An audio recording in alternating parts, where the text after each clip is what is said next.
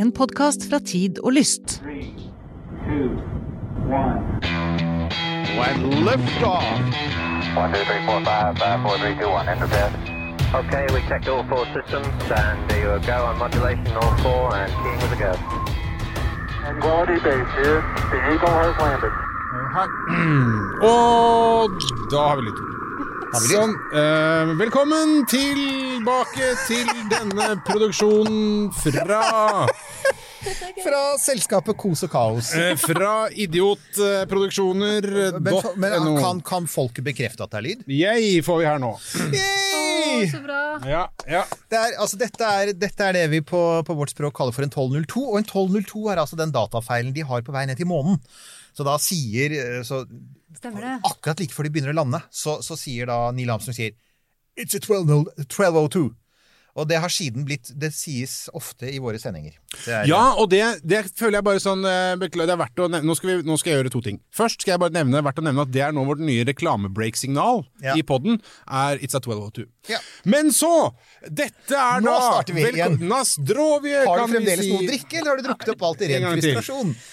Det er, Nasdrovje. Nasdrovje. Nasdrovje. Eh, dette er uh, Romkapsels Jury Night, og da kan vi da en gang til si hjertelig velkommen til kompottdrikker eh, av rang. Eh, radiolegende, eh, ivrig syklist og bader, og også parsellgartner. Ja. Kari Slottsvenn. Tusen takk for det. Takk for Veldig det. hyggelig uh, at uh, du er her i vårt ringe lille studio. Uh, jeg føler at du på en måte er en slags radiogudmor for meg. Ja, det er helt i orden. Og for, det- for mange av oss, tror jeg. Men du er jo faktisk det, fordi eh, det, det var jo der eh, i, ditt program eh, jeg hadde min Ikke min debut på riksdekkende radio, men nesten. Stemmer det. Ja. Og jeg for mitt vedkommende kan si at um, altså de lengste og beste samtalene jeg har hatt på NRK, jeg har hatt i dine programmer. og det er alltid sånn hver gang. Det er ikke så lenge siden jeg var i programmet ditt. Hva, hva, bare si hva det heter, du. Det er lov å Lørdagsliv heter det nå.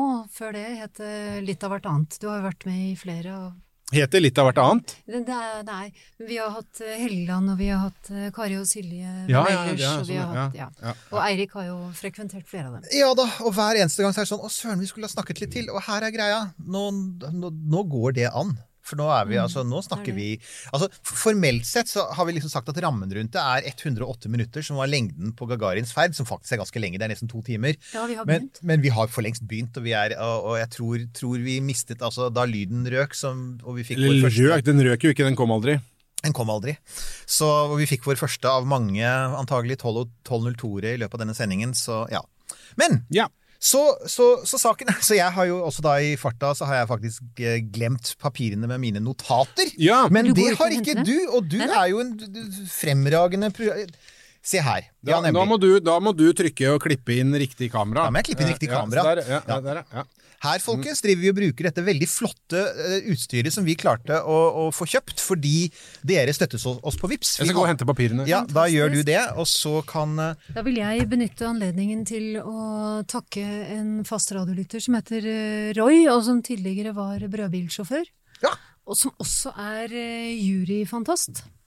Som Oi! har sendt oss en del fine lenker, også et eh, bilde av jury og hans kone og to barn. Og, og som du selv nevner, så var jo Gagarin mye mer enn en mann i militæruniform og bakebolle på hodet. Ikke sant? Altså, det er jo en av de tingene altså, under promoteringen her. Uh, det kan vel du Kan ikke du se om du kan få henta fram det aller første bildet vårt? For det er vel faktisk Gagarin Uh, Det er det Gagarin-bildet som, eh, som vi har brukt under promotering, som jeg syns er så fint. fordi at eh, hvis, du, hvis du putter Gagarin i Google, så er det en million bilder i militæruniform og romdrakt. Ja. Og så hvis man begynner å lete litt, som det ofte er med russisk og sovjetisk historie, du må ofte grave litt. Ja. Og jeg følger annet en fyr på Twitter som, som er interessert i dette, og han har begynt å legge ut bilder. I dag for eksempel, så la han ut bilder av Gagarin, var en ivrig hobbyfotograf, så det finnes masse bilder av Gagarin med diverse kameraer i hendene. Han tok masse bilder. Det foreløpig ingen har lagt ut, er de bildene han tok. Og de hadde det jo vært innmari kult å se, ikke sant? Men det er liksom sånn når vi begynner å pirke i mannen, så oppdager vi stadig mer. Ja, vi gjør jo det, og så er det jo dette med at um, eh, Sovjet visselig ikke var spesielt interessert i å, eh, å pressedekke Gagarin i stråhatt på en benk sittende i fred under en palme. Det var ikke der de ville ha han. Rundkappløpet handlet ikke om stråhatter. Det, jo, det gjorde jo ikke det, og det er altså det, det Jeg syns jo det er noe av det mest interessante med hele figuren, er jo uh, altså det at liksom Ok, han, han reiser opp med dette romskipet, uh, og han har Du kan jo si at han har det som er en totalt unik opplevelse. Det har han jo. Og han er den første som har den I verden. i verden. Og jeg, jeg vet ikke hvordan det, altså Forrige gang jeg var med i programmet ditt, så snakket vi, da handlet det jo litt om å reise steder. Ja. Og det er jo, jeg tenker litt på det at altså, når f.eks. da Amundsen dro til Sydpolen Ja. altså Sydpolpunktet var ukjent for han, men han visste jo litt hva han kom til. Altså Han visste jo at det var is og snø. Ja. Og så er det Gagarin i rommet, og, og der har ingen mennesker vært. Og det er av og til tenkt på liksom den følelsen, altså den opplevelsen av å komme opp, og så er du et sted hvor som ingen har kunnet forberede deg på, og hvor ingen tidligere har vært, og det ikke fins noe sammenligningsgrunnlag, for dette er jo, rommet er unikt, ikke sant? Ja. Og, og dette Nå vet ikke jeg helt om vi skal om vi tøyser med rekkefølgen når vi begynner å snakke om hvordan han Gjør det noe? Kom igjen! Nei, dette er jo ruskerumlingene på, Det er det. på Ja, ja, tur ja. i en liten grønn kapsel, dette her. Ja. Men jeg, jeg tenkte på at han plasseres som en helt vanlig russer. Nesten vanlig russer. Mm. Ja. Mm. Men for russerne vanlige russer, og for verden ukjent. Ja. Om bord i eh, denne kapselen. Mm. Og så sendes han av gårde uten noe særlig innflytelse over fartøyet. Ikke sant? At all.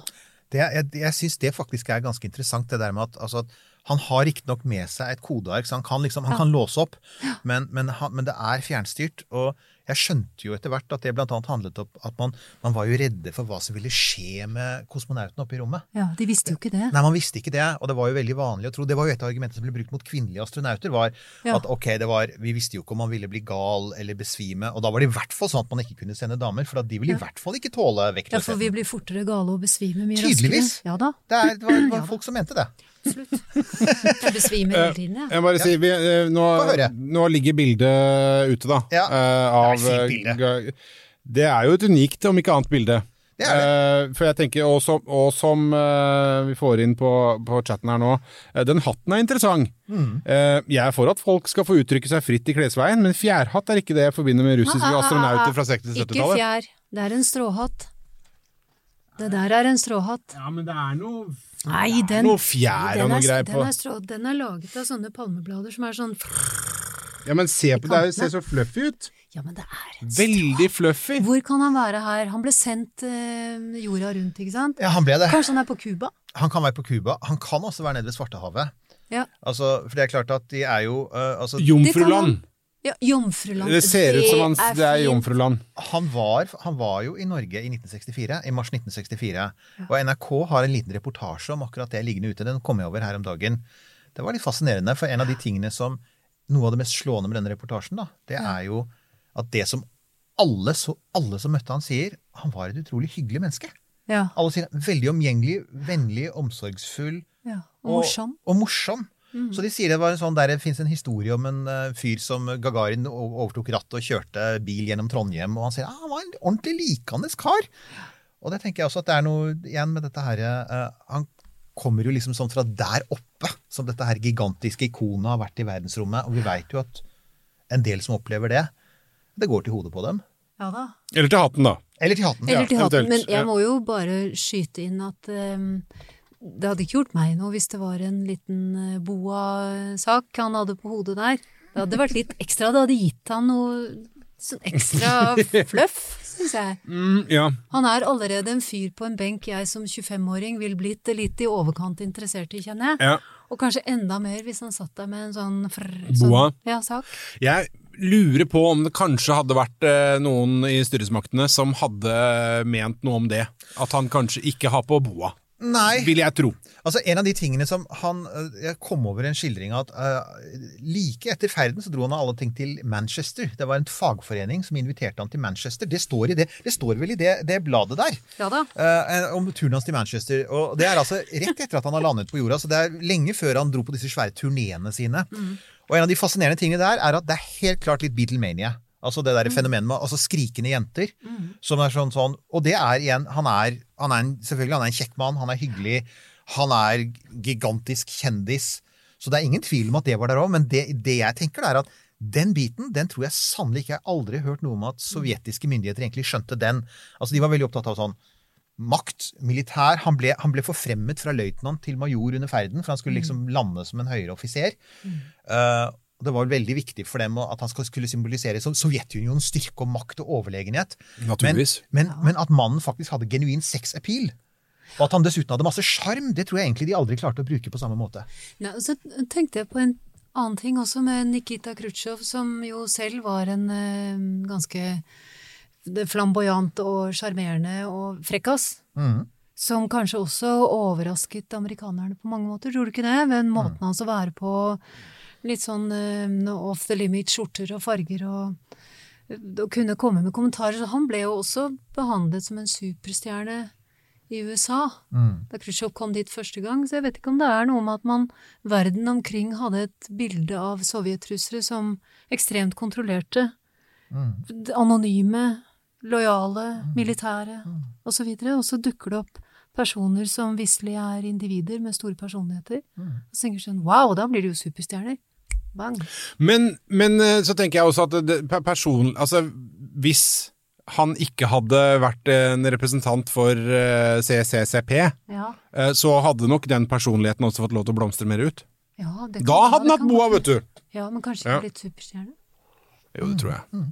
Ja, hvis han hadde vært i verdensrommet. Har Vox populi, vox deo og alt det der. Altså Folkets røst er Guds røst, så er det vel det betyr. Ja. Har, har folket sagt noe? Vet du hva, eh, ja da, det folket Ja, de har sagt at vi har lyd det har fått med Ja, det er lyd, at det er russete.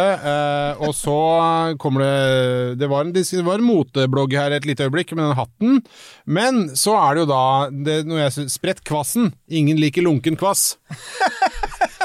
Eh, jeg kan bare si det at jeg satt og så på kvassflaska, og så tok jeg siste slurken av denne kompotten. Eh, Vi og- forklarer hva det er. Kompotten, ja. For, for jeg vil bare si det at det, er, det var noen biter nedi der som ble kommentert på bakrommet, og når jeg tok siste slurk, så var det veldig mange biter. Og da føltes det virkelig som om jeg drakk det det så ut som. Unge hadde fått litt for mye pannekaker til middag i det kommunale svømmebadet. Ja, det var for eksempel, ja. Og jeg bor rett ved Tøyenbadet og kan si at akkurat dette har jeg sett i Tøyenbadet ved flere anledninger. Så. Jeg tenkte at dere som ser og hører på dette her, ville bli litt uh, snytt. Her skrur dere på en sending som skal handle om Juri Gagarin. Den skal det. Det er en endeløs rekke av sidespor. Ja, En endeløs rekke av sidespor. Men det er greit for dere? Det er Men du skal bare få lov å si en ting, og det er at, altså, og det vet dere også, som eh, mange av dere som hører på. Altså, vi har faktisk lagt ut en ordentlig podkast om selve ferden i dag. Så vi har seifa. det har dere. Ja, Ja. det har vi. Det dette her er, dette er, dette er en, en norsk variant av det som heter Jury's Night, som faktisk er et sånn internasjonal Det begynte vel for en sånn ti års tid siden, hvor man fant ut at Juri Gagarin fortjente mer av en feiring enn han hadde fått. Jeg syns det er kjempefint. For sant å si, altså vi elsker jo Apollo-ferdene her, og vi har snakket oss, vi har virkelig snakket oss røde i fjeset om alt mulig, altså Apollo 8, Apollo 11, og vi har 1202, ikke sant. Altså, og, og, og veldig mange av våre lyttere elsker hele Apollo-programmet, og så glemmer vi litt liksom, det som førte til Apollo-programmet, nemlig Gagarin. Yep. Og, og, og det forsvinner litt, litt den sovjetiske tåka, for det var så mye propaganda og løgn og bullshit i det samfunnet. Og så forsvinner det litt også for at han, altså det er en annen kultur. Eh, de, altså klart, altså russisk tenkning og, og russisk liksom politikk og kultur det er jo ganske fremmed for nordmenn, selv om dette er et naboland. Så det var derfor vi fant ut at vi altså da faktisk skal ha det eh, litt sånn russisk aften, altså med denne kompott, denne fruktsuppa. Som, Ja, for det er jo litt fruktsuppe. Det er denne varme fruktdrikken man tar vare på. et, eh, ekstra frukt, og så la, sy- koker det er vel man sånn i en man da vanligvis Ja. ville gjort det. Men eh, Ja, for det, jeg føler at dette her er noe som du på en måte får når du går Vasaloppet. Eller altså, det serveres på disse små Ja, men du kunne jo vært truende til å gå Vasaloppet, kunne du ikke det? Ja, men altså, sykle et eller annet eh, langt, langt, da. Det kunne du gjort. Sykla et eller annet langt. Og da får du det på en av de stasjonene hvor du også får den lille, de små flaskene med sånn Omo-vaskemiddel som folk drakk. Eh, Da får du den der suppa. Ja. eh, kompotten, eh, som da er laga en eller annen sånn kladd, var det det du kjøpte på en av disse østeuropeiske butikkene? Ja, der Du får en liten sånn eh, blokk med tørket frukt og, og, og, og, og tørket eplesaft. Der er den. Ja, Nå skal jeg gjøre Ja. sånn, og så skal du få lov å holde den fram. Der er den. Ja. Og den får du kjøpt i polske supermarkeder. Vi har en del av dem i, eh, i Oslo. Det er gøy. Uh, Det er, det, er, det er ganske gøy, og det er jo det er ganske mange. altså Eh, ja, Ja, nei, unnskyld. eh, Bare snakk deg ferdig. Nå, nå, begynner det å- nå begynner det å komme her, skjønner du. Ja, før. Eh, eh, jeg har lyst til å eh, si et par, par ting. Først så må vi bare dette, Denne kvassen. ja. Eh, før jeg drikker det, hva er det? Det er, Tradisjonelt sett så er det fermentert rugbrød. Men det er ikke alkohol i det, men den kan ha alkohol. Men dette er ikke-alkoholisk kvass. Eh, så, det er, så det er jo en Fins det et russisk produkt som ikke har alkohol, altså? De, altså jeg, Dette her er jo da, selges jo her, da. Det er, jo- så når du smaker på det, så Ja. Det er jo fascinerende. Kan vi ikke si det sånn, da? Jo, det smaker jo på en måte som en slags fjern og litt upopulær slektning av cola. Ja, og, og også en, en eh, fjern og enda mindre populær uh, slektning av vørterøl. Som, har ligget- ja, som, som har blitt lagt ned på et glass med lakris. Ja, Så altså, hvis, hvis Cola hadde fått et kjærlighetsbarn med vørterøl, og så hadde menget seg litt med lakris, det er der vi er. Men det er helt Det- sant. Det er ikke dritvondt, Nei, det er ikke det. Nei. men det, er ikke, det kommer ikke til å bli servert eh, daglig i heimen. Nei, men altså, jeg syns jo cola er verre. Mm. Så jeg syns dette er bedre. Å ja, der er Så jeg vi, ikke enig. For å liksom komme litt i stemningen, så må jeg si at dette her er meget mulig at han, han mesker seg med et glass kvass. For saken er, det er veldig, det var og er veldig populært i, eh, i Russland. Det er en sånn hverdagsdrikk. Ja. Uh, og, så det var derfor vi fant ut at vi skulle gjøre det. Hva var det du sa? Hadde du? Ja? Hva? Jo, eh, her for det nemlig eh, Roy eh, skriver La meg bare vise fram den, da. Eh, husk å nevne Gagarin-statuen i Bergen, der det var Ja. kransnedlegging i dag, i regi Russland. Vet du hva, det kan vi godt gjøre. Hva, har du lyst til å si det, eller skal jeg si det? Kan ikke, kan ikke, kan ikke du si det? Jeg, mm, jo, eh, det er fint med kr å legge ned krans. Og det er en mann som er verdt å minnes og feires hvert år og hvert jubileum. Og hver runde baut så skal man tenke på Juri Gagarin, og ikke minst på hva han var, så mange fasetter han hadde. Men man skal også tenke på at veldig mange byster og statuer rundt omkring i verden bærer preg av stor velvilje. Men kanskje ikke alltid av veldig sterke kunstneriske ambisjoner. Det, det må man si. Du, var, det var en veldig pen og omstendelig måte å si at det er, altså, det er laget mange monumenter av Gagarin, og det er få av dem som faktisk ser ordentlig ut, spør du meg. Men uh, hva, Nisian? Nils Jan? Nei, det, det var altså det, jeg tenk, det var veldig godt sagt, det tenkte jeg. Det, var- det var det. Det var det. Bærer preg av velvilje. Det er veldig bra. Og, og, og vet du, jeg, det jeg syns er fint her, er altså, Jeg syns for så vidt det er fint at, at uh, For den, den, så vidt jeg skjønner, så er det Jeg, har- jeg googlet denne statuen, eller denne bysten. Det ser ut som den finnes noen andre steder òg. Det ser ut som den faktisk er eh, satt flere steder. Ja. Og jeg syns for så vidt ikke det er noen ting i veien for at Russland minner om denne delen av sin historie, for det er faktisk i all hovedsak en det er en positiv del av historien deres, og det var et veldig viktig bidrag som Russland ga til, til liksom vitenskap og teknologi og, og, og, og samfunn og politikk. Men, men jeg, skulle, jeg skulle ønske at flere av Gagarin-monumentene klarte å fange det opp, for det er noe Men er ikke det litt av problemet også, at kanskje de sliter lite grann? Fordi igjen, han hadde denne helt unike opplevelsen. Altså igjen, hvis vi skal tenke altså, Men kan jeg ønske meg et Gagarin-monument? Ja, Kanskje det finnes, men hvis jeg skulle ønsket meg et Gagarin-monument, så ville det vært noe med en sånn Kanskje til og med en oppstrakt hånd, og i den hånden skulle stå på engelsk, jeg kan Ja. ikke det russiske, 'Let's go'! Pojekali! Ja. tror jeg han sa. Men det er ikke sikkert det- veldig feil på russisk. Men det på- det tror jeg hadde vært veldig fint. Og hvis, vi bare, bare så, hvis folk lurer på det, det er jo faktisk en oppstrakt hånd rett bak deg. Ja, det er Eh, der er den. Uh, der kommer nærbildet av den. Jeg vet ikke hvor godt den synes. Skal vi se her nå, Poljekali. Poljekali. Skal vi se, er, den- er det der den er? Ja, Der var den. Der var den. På Jekali. der var Poljekali. Og det er, eh, og det er Let's go! Uh, og ja, jeg er helt enig, altså, for det er vel noe med at det å prøve å liksom bare ta mannen i romdrakten det, det fanger ikke hele denne, eh, denne opplevelsen. Her kan vi jo komme med et helt konkret tips. Altså Det fins en film der oppe. Der oppe, sier jeg. Der ute. Der oppe i skyen. Der oppe i skyen. Men der oppe i skyen, og den ligger der helt lovlig, for det er et sånt åpent prosjekt. Ja da. Eh, First Orbit heter den vel. Og det er en eh, film som i lengde er like lang som ferden. Er det ikke det? jo, det er det, og som denne podkasten strengt tatt hadde planer om å være. Altså før vi rota til. Pluss minus noen minutter. Pluss minus noen minutter her og eh, der. Altså 180 minutter, rett og slett. Og det er, ganske, det er et ganske flott prosjekt, og den er vel verdt å se, for at, eh, jeg tenkte Ja, men eh, for det, der svarte vi Det kom et eh, spørsmål her hvor lenge han var i, i verdensrommet. Ja. Da, det har vi da svart på. Og der skjedde det Eh, det var Å, den holder på å falle ned! Dette er dagen da alt skjer! Nå raser det ned. Ok, folkens. Ja, da, det går bra. det går fint. Det går helt fint. Eh, Det, det fikser seg. Men I løpet av sendingen Hvor lenge var han? Hvor lenge var han? 108 minutter, altså Ja. 1 time og 48. Ja. Uh, og uh, han dro vel av gårde, var det sju over ni lokal tid fra, fra Kasakhstan, da. Og det var jo også litt sånn Altså, det som Altså, det var jo for så vidt fornuftig å gjøre det på det tidspunktet, for da skytes han opp på dagtid, og så kommer han tilbake på dagtid. Han kommer tilbake på formiddagen, så det er god belysning. Det det også førte til, var jo at han ganske fort fikk den helt unike opplevelsen som han selv er litt inne på, og det er at han, han kommer over Stillehavet, og så ser han ned på, han ser ned på Hawaii. Han rekker akkurat å se Hawaii. Og så kommer han inn i natt, på nattsiden, og så får han faktisk se den aller første solnedgangen fra bane. Tenk på det. Og det er noe, altså. Og så blir det helt mørkt.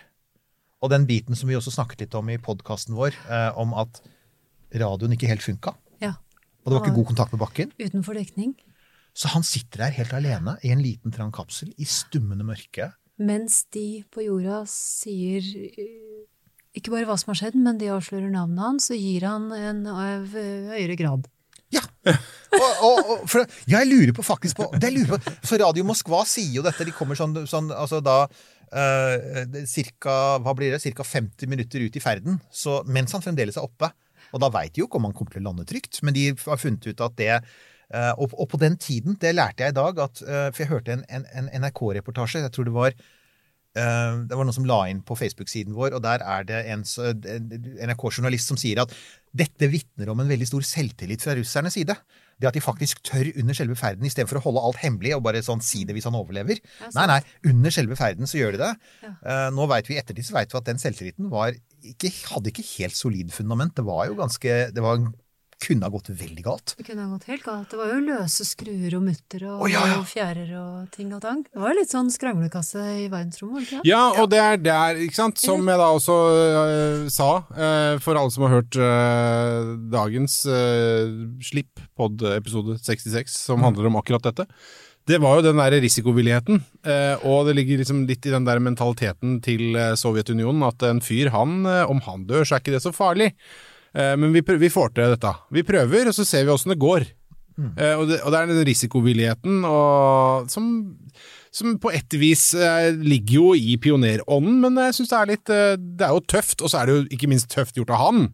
Som den første å sette seg på toppen av den raketten og tenke ja ja, det, det, vi får satse på at dette går bra.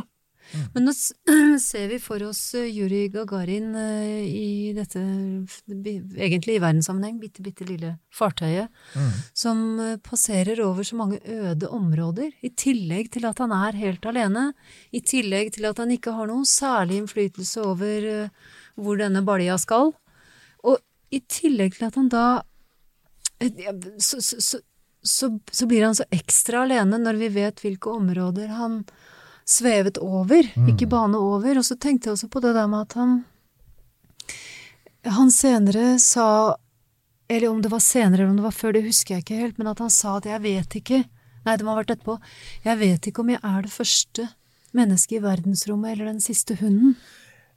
Det, det er jo et innmari interessant poeng, altså. Det er det, og det har noe med altså, det, det, Der er det jo en sånn der fascinerende forskjell på amerikanerne og sovjeterne den fasen. For amerikanerne de prøver å bruke et dyr som ligner mye på mennesket, så de holder seg til aper.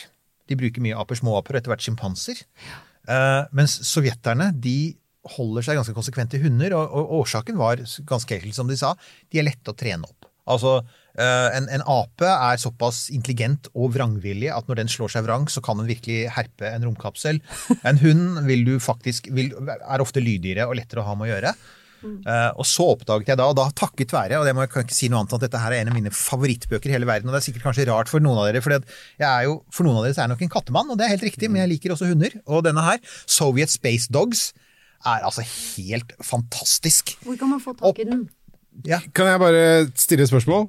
Nei, ikke, det, er- det, er ikke, det er ikke et spørsmål. Det er ikke et spørsmål, det, det er en påstand. Ja. Jeg syns eh, det er eventyrlig at den boka eksisterer. Ja, bare er helt det er bare det at jeg syns det er eh, også så fine bilder! Den er vakker, altså. Den er vakker. Det er, her har du liksom den sovjetiske propagandaen. Og bakerst i boka så har du en liste over alle, um, alle romhundene. Uh, og det er altså med navn og alt mulig. Og, og saken er at det var 83 i tallet. Var det 83? Jeg trodde det var 82. Uh, nei, altså, den siste kom etter Gagarin. Ah, Så jeg, jeg har telt, jeg er nerd, skjønner du.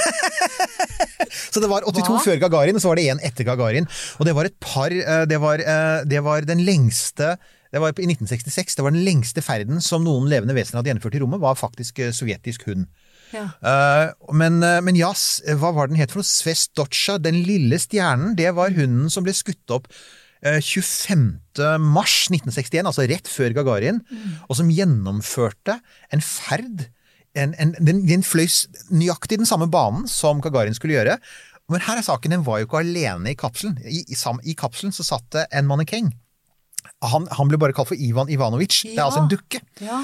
Ivan han fløy flere romferder, men dette var den siste romferden før Gagarin. Så altså, folkens, det er, det, det er liksom, dette er noe av det som man liksom bare av og til må få altså, Av og til så blir det litt sånn absurd. Det blir liksom sånn absurd teater. Ja. Men altså, før Gagarin så måtte altså en liten russisk hund og en stor mannekeng fly rundt jorda som Gagarin, Ja. og så lande automatisk. Så ja, det er Og for dere som lurer på, eller for dere som f.eks. venter barn og lurer på hva dere skal kalle ungen, så går det jo an å gå inn på den listen over de 83 sovjetiske hundene, og så finner dere et navn til barnet der. Så blir vi, kommer vi kanskje ut av den der eh, dreisen med de samme navnene overalt. Ja, ja. Eh, Så eh, velkommen til verden eh, Laika.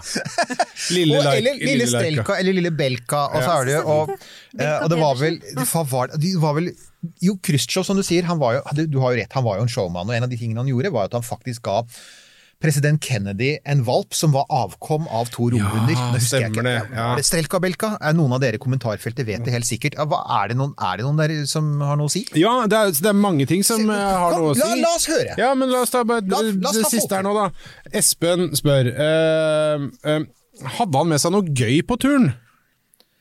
Ja, det, altså, tenker du da, Espen, det som vi ofte tenker på med gøy, altså dette er jo da Ugøy. Dette er, det er gøy, men, men alkoholisk. Men ikke så gøy, da.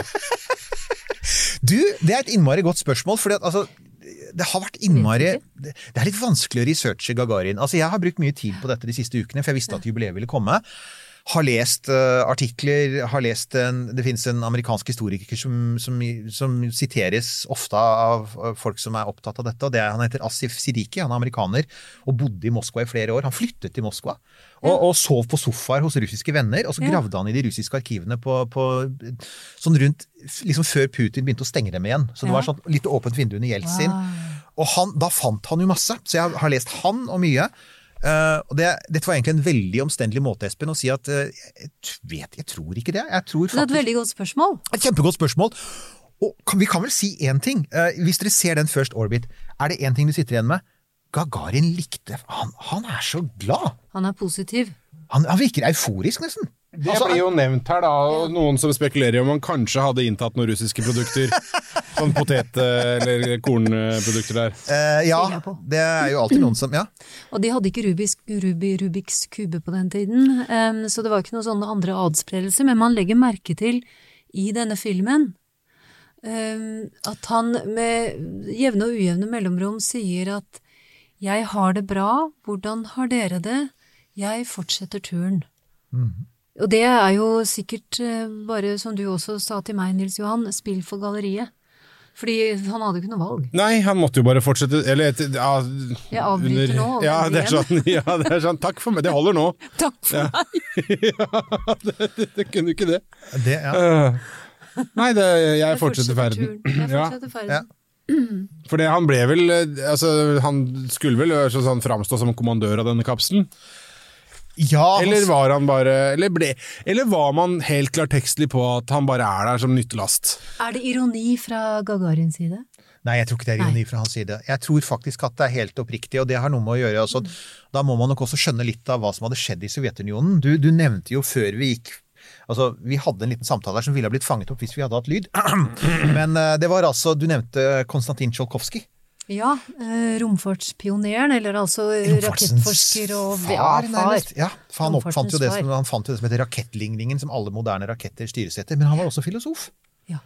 Og det er så innmari interessant, for det er altså det er eh, de to landene som har gitt oss romfarten. Det ene er Tyskland, som vi har snakket en del om i, i, i Romkapsel. Vi har så vidt vært borti det. Vi har så vidt sånn vært borti det. Ja. Eh, Og så, og så har de så, så går tyskerne til amerikanerne og hjelper dem med å fly til månen, liksom.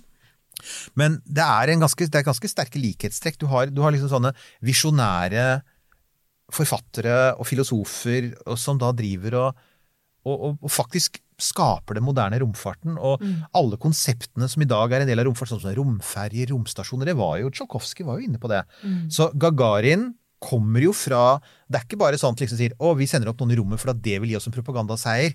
Eh, de som bygger raketten, og da særlig Sergej Koroljov, som er, liksom er sjefsdesigneren og som var liksom hemmeligholdt i mange år, helt til sin død, um, han var jo der, der ligner han veldig på Werner von Braun i det med at han bygger et militært våpen, men hans drøm er å bruke det til å, å fly i rommet. Og, og faktisk som militært våpen så er det raketten som sender opp Gagarin, er ganske unyttig. Og, de, og de bytter den fort ut. Og istedenfor så bruker de den til sivile formål, og det har de fort, Men det er jo på en måte et signal om at vi kan nå USA hvis vi vil, Ja, ja, ja. i denne sammenheng. ikke Det, sant? det var slik de fikk penger, for at, altså, det var jo Sovjetunionens problem på 50-tallet. var jo at De hadde nettopp vært inne i en brutal krig, de var redde for Nato. de følte seg, altså Vi var jo redde for dem, men de var også redde for oss. Og de var omringet på alle kanter av amerikanske flybaser. Så amerikanske fly kunne nå dem fra Norge og Vest-Tyskland og Korea og Japan. De kunne liksom fly all... Og de Ja, det var litt kvass. Det er litt kvass! Det er ikke så, jeg, altså, jeg, jeg ser det er noen som skriver 'ikke diss på kvass', men uh, Jeg, jeg jeg, skal kv- kvisse litt på dass. Jeg, nei, det, ja. jeg, syns, jeg syns kvass er helt fint, jeg. Men eh, det er Jeg sånn syns den slår cola, beklager. Ja, ok. så, det, så her, men jeg er ikke noe glad i cola. Mm. Men, men, men altså uh, Dette med at um, Altså hvilken tid vi var inne i, og, og romfarten og alt dette her. Det, Mm. det finnes jo det å tenke seg til en annen framtid, det å tenke seg til en annen verden altså Romkappløpet i seg selv er jo en idiotisk Mm. sak. Men alt det avfødde kan jo komme oss til gode. Tenk på Jules Verne, da. Og alle ideene han hadde om et framtidssamfunn som på en måte også var en science fiction-tanke, da.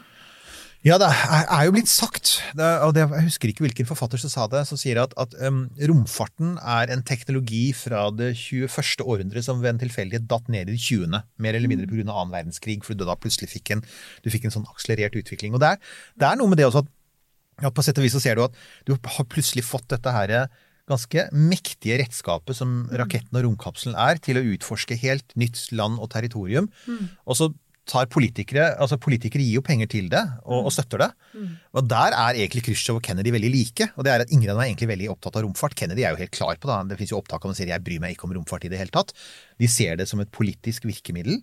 Eh, og så blir det noen spin-off-effekter. Vi får, vi, ja, vi kommer til månen, vi får utforsket rommet, men samtidig så blir det så bundet opp av politikken at de der store visjonene som du hadde på den tiden, om å reise lengre og dra til Mars og kanskje bosette deg på månen og sånn, det blir jo aldri noe av, for der blir jo på en måte hele romprogrammet litt sånn hijacket av politikere.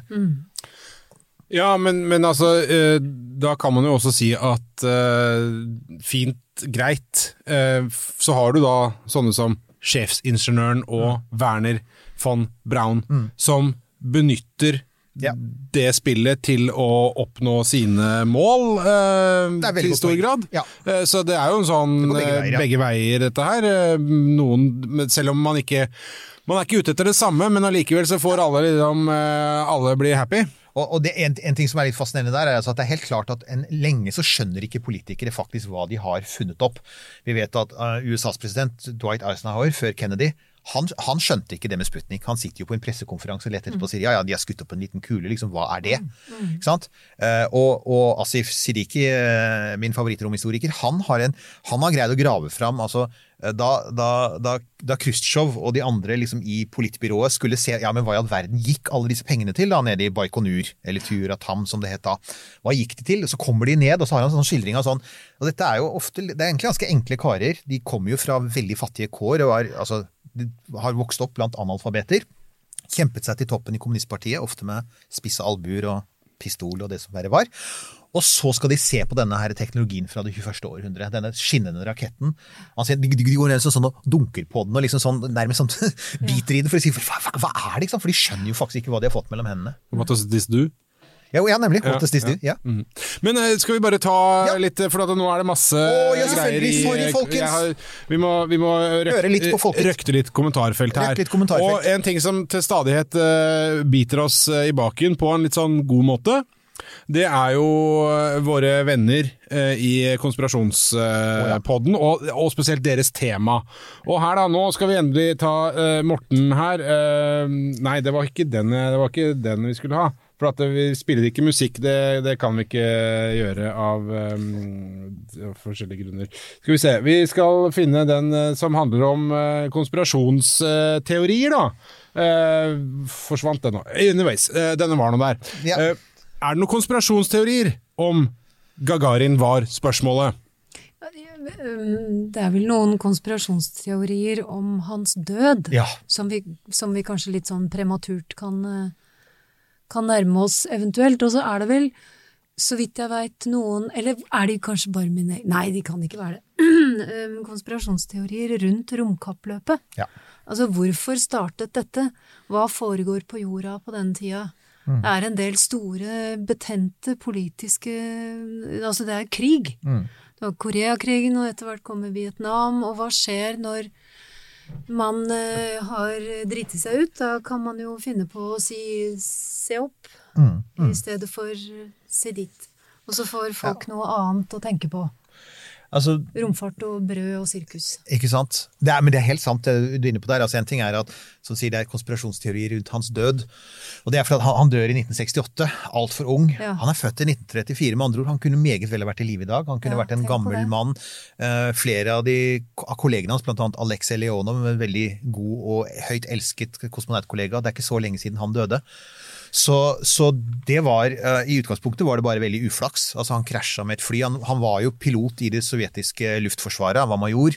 Var ute på en treningstur 26.3.1968, og så krasjer flyet. Han er, det er en annen mann om bord. Og da, i kjølvannet av det, selvfølgelig, masse sånn var det selvmord? Var det alkoholisme? Man- Var det mord? Var det mord?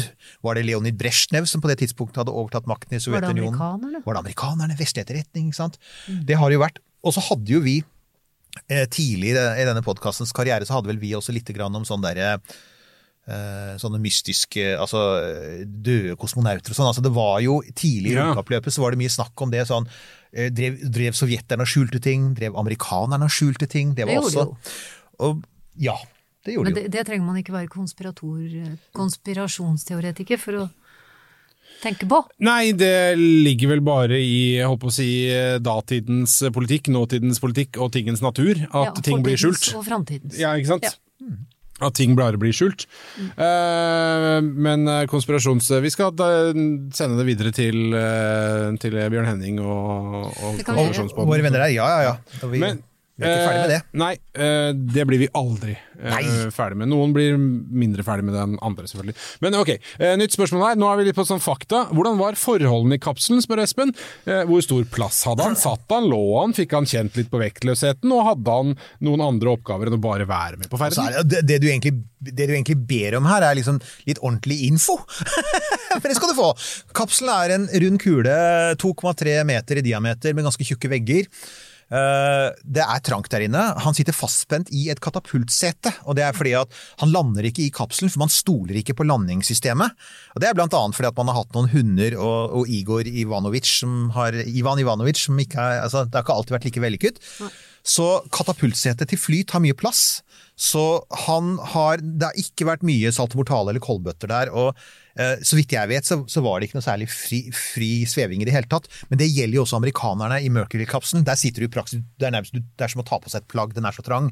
Så du, du kjenner at du er vektløs, men du har ingen mulighet til å fly sånn som du har i romstasjonen, hvor du har disse fantastiske bildene av folk som, som stuper kråke og, og, og flyr lange avstander. Du kunne vel eh, til nøds eh, føle at du satt på en veldig lett pute? Ja, altså, og det- Han kjente vektløsheten. Det ga han uttrykk for at han Det gjorde han, likte, tror og jeg. han likte den. Det sier han jo også. Han sier at 'jeg kjenner ikke de fenomenene dere snakker om'.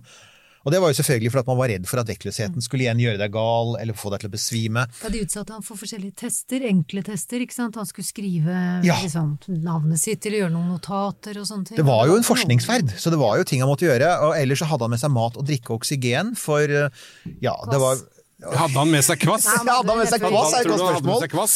Hva- Kompott? Han hadde, han hadde et ganske Han hadde et, et vindu som han er veldig opptatt av.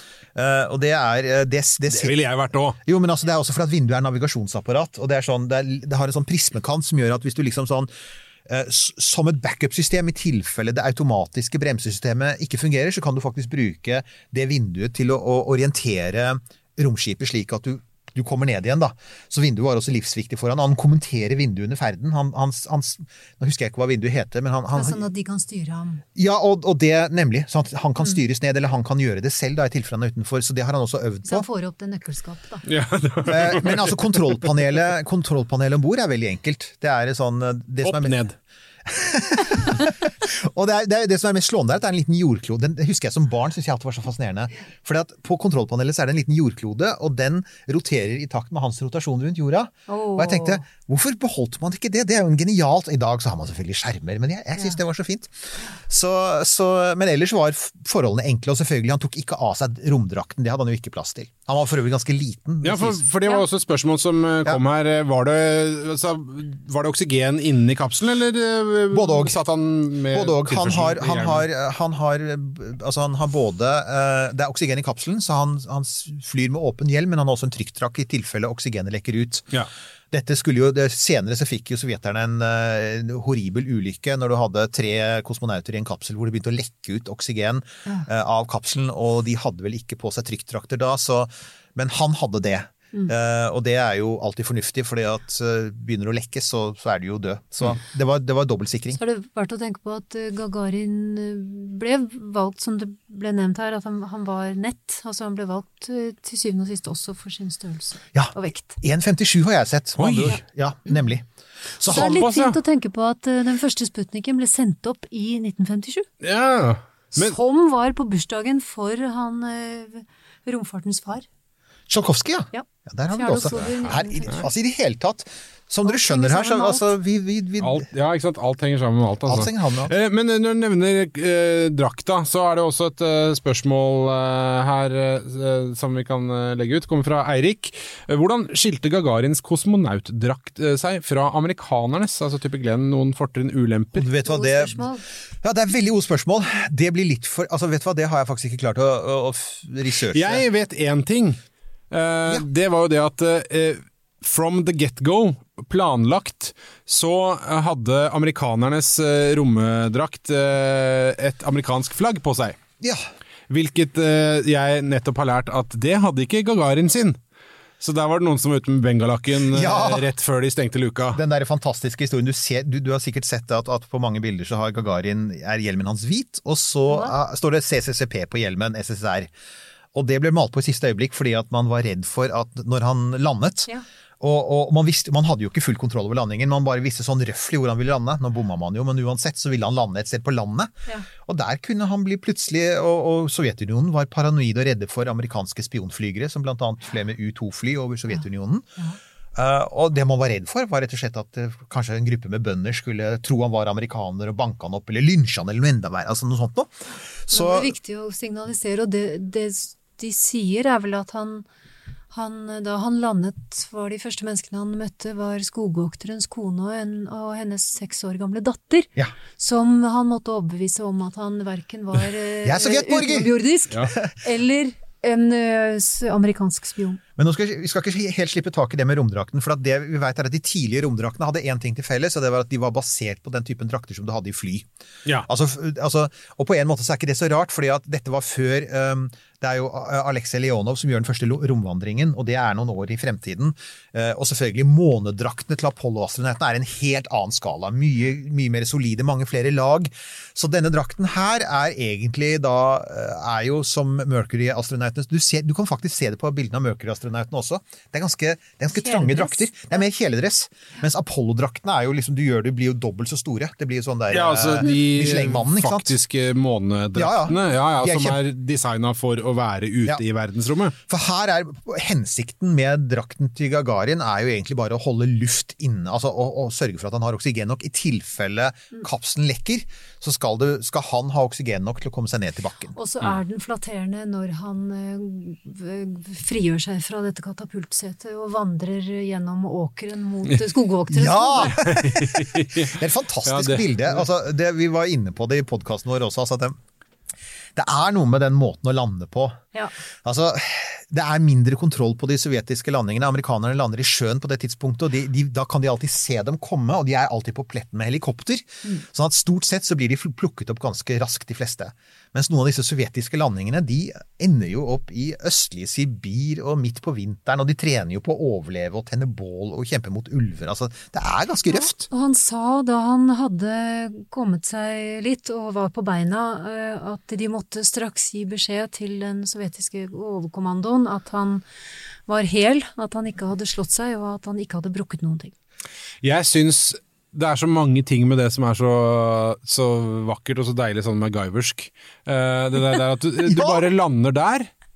Og så får du bare ordne det. Her så har du et, ja, du har et eller annet sted i den romdrakta så ligger en liten portemonee med noen, noen mynter til taxi til hjem. Eh, og så Det som også slår meg, da, er jo det at når han da lander og møter skogvokterens eh, kone og, og deres datter, så er det jo godt mulig at eh, skogvokterfamilien er fullstendig uinformerte om det som foregår. eh, og at han har vært der oppe, at han har kommet ned. Og de lever jo antageligvis på en helt annen planet. Altså, uh, pun intended. Men altså, uh, en, et, et univers hvor, hvor det å ferdes uh, med fly er en ikke-eksisterende greie. Uh, elektrisitet er kanskje litt sånn artig novelty, uh, men ute på landsbygda i, Ja, i ja. Russland, ikke sant? Uh, på begynnelsen av 60-tallet, det er ganske herja der fremdeles etter krigen. Ikke sant? Det er, det er vanskelig, det er kaldt om vinteren, og, og det, det spises sikringskost hver dag. Det er kvassbrød og, og noe, no et eller annet som er fryktelig fett. Det er det. Altså, det er, du, du, du har helt rett i det, tror jeg. Altså, at Det er det krasjet der mellom Det er det krasjet med dette, denne superhøyteknologiske tingen. Og igjen, det er det, kan ikke sies ofte nok. om at, uh, ja, uh, altså Vostok 1 var noe mer enn bare en, en, en stålkule. Det var, det var full av elektronikk, så det var jo det mest avanserte sovjeterne kunne produsere da.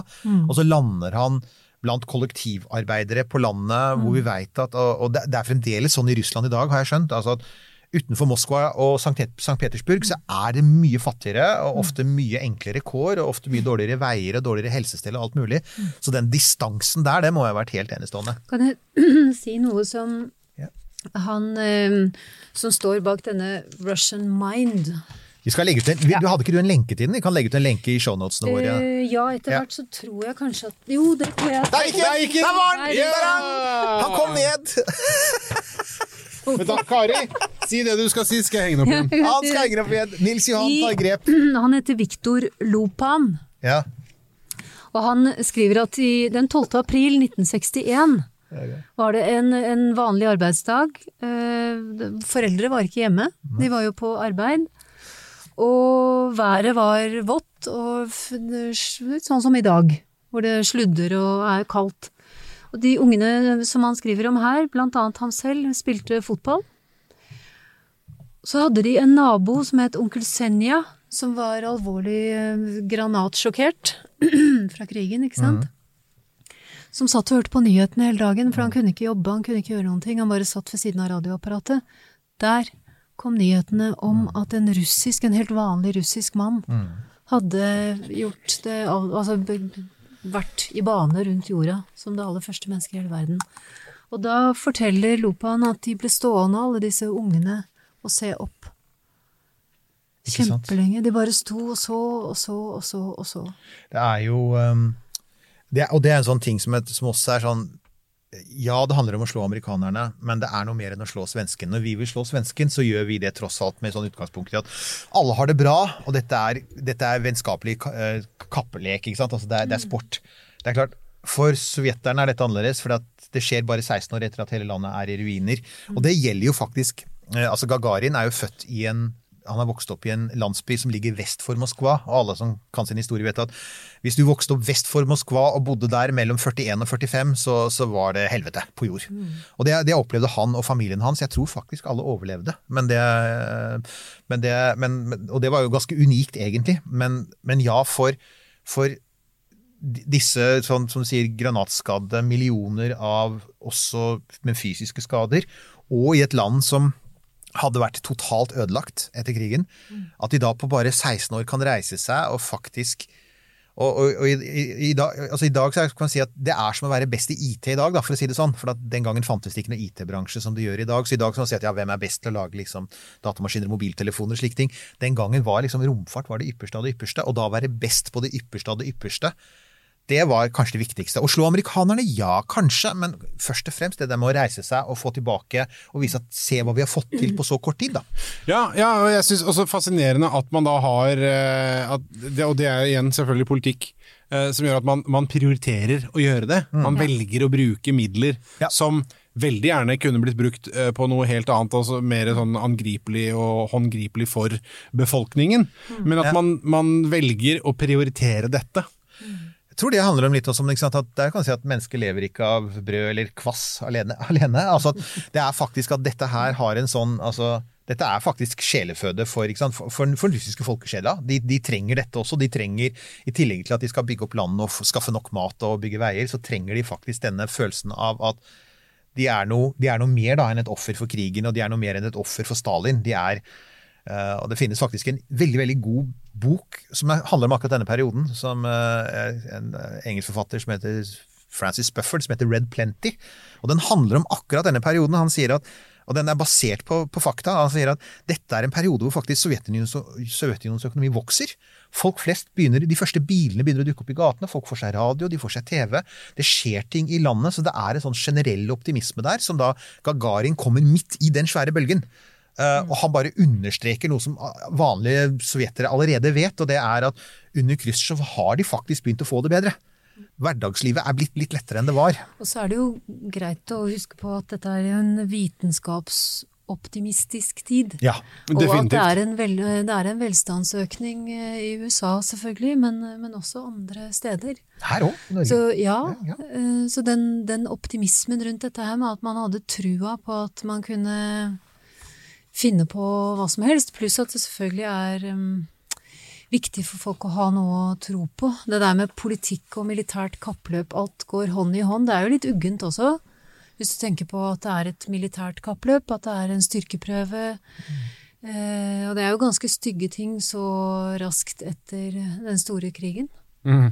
Etter ja. to store verdenskriger. Ja, ja, ikke sant. Ikke sant. Uh, nå ble jeg bare skyte inn i det litt sånn alvorlige og, og veldig korrekte, og beklage rørleggersprekken som uh, kom ut på streamen her når jeg hang opp plakaten. Det har blitt kommentert. Å, det er gøy! Uh, er det sant? Det er, ja, ja, ja. ja. Jeg, jeg, jeg, jeg, så den og så fant ut at dessverre så har vi altså Hvis dere ikke er klar over det, altså, vi, vi, har en sånn liten boks her som vi da har dere via Vips har betalt for. En sånn kameravinkelswitcheboks som jeg nå har glemt å switche. Angrer, angrer dere på det? Nå er vi!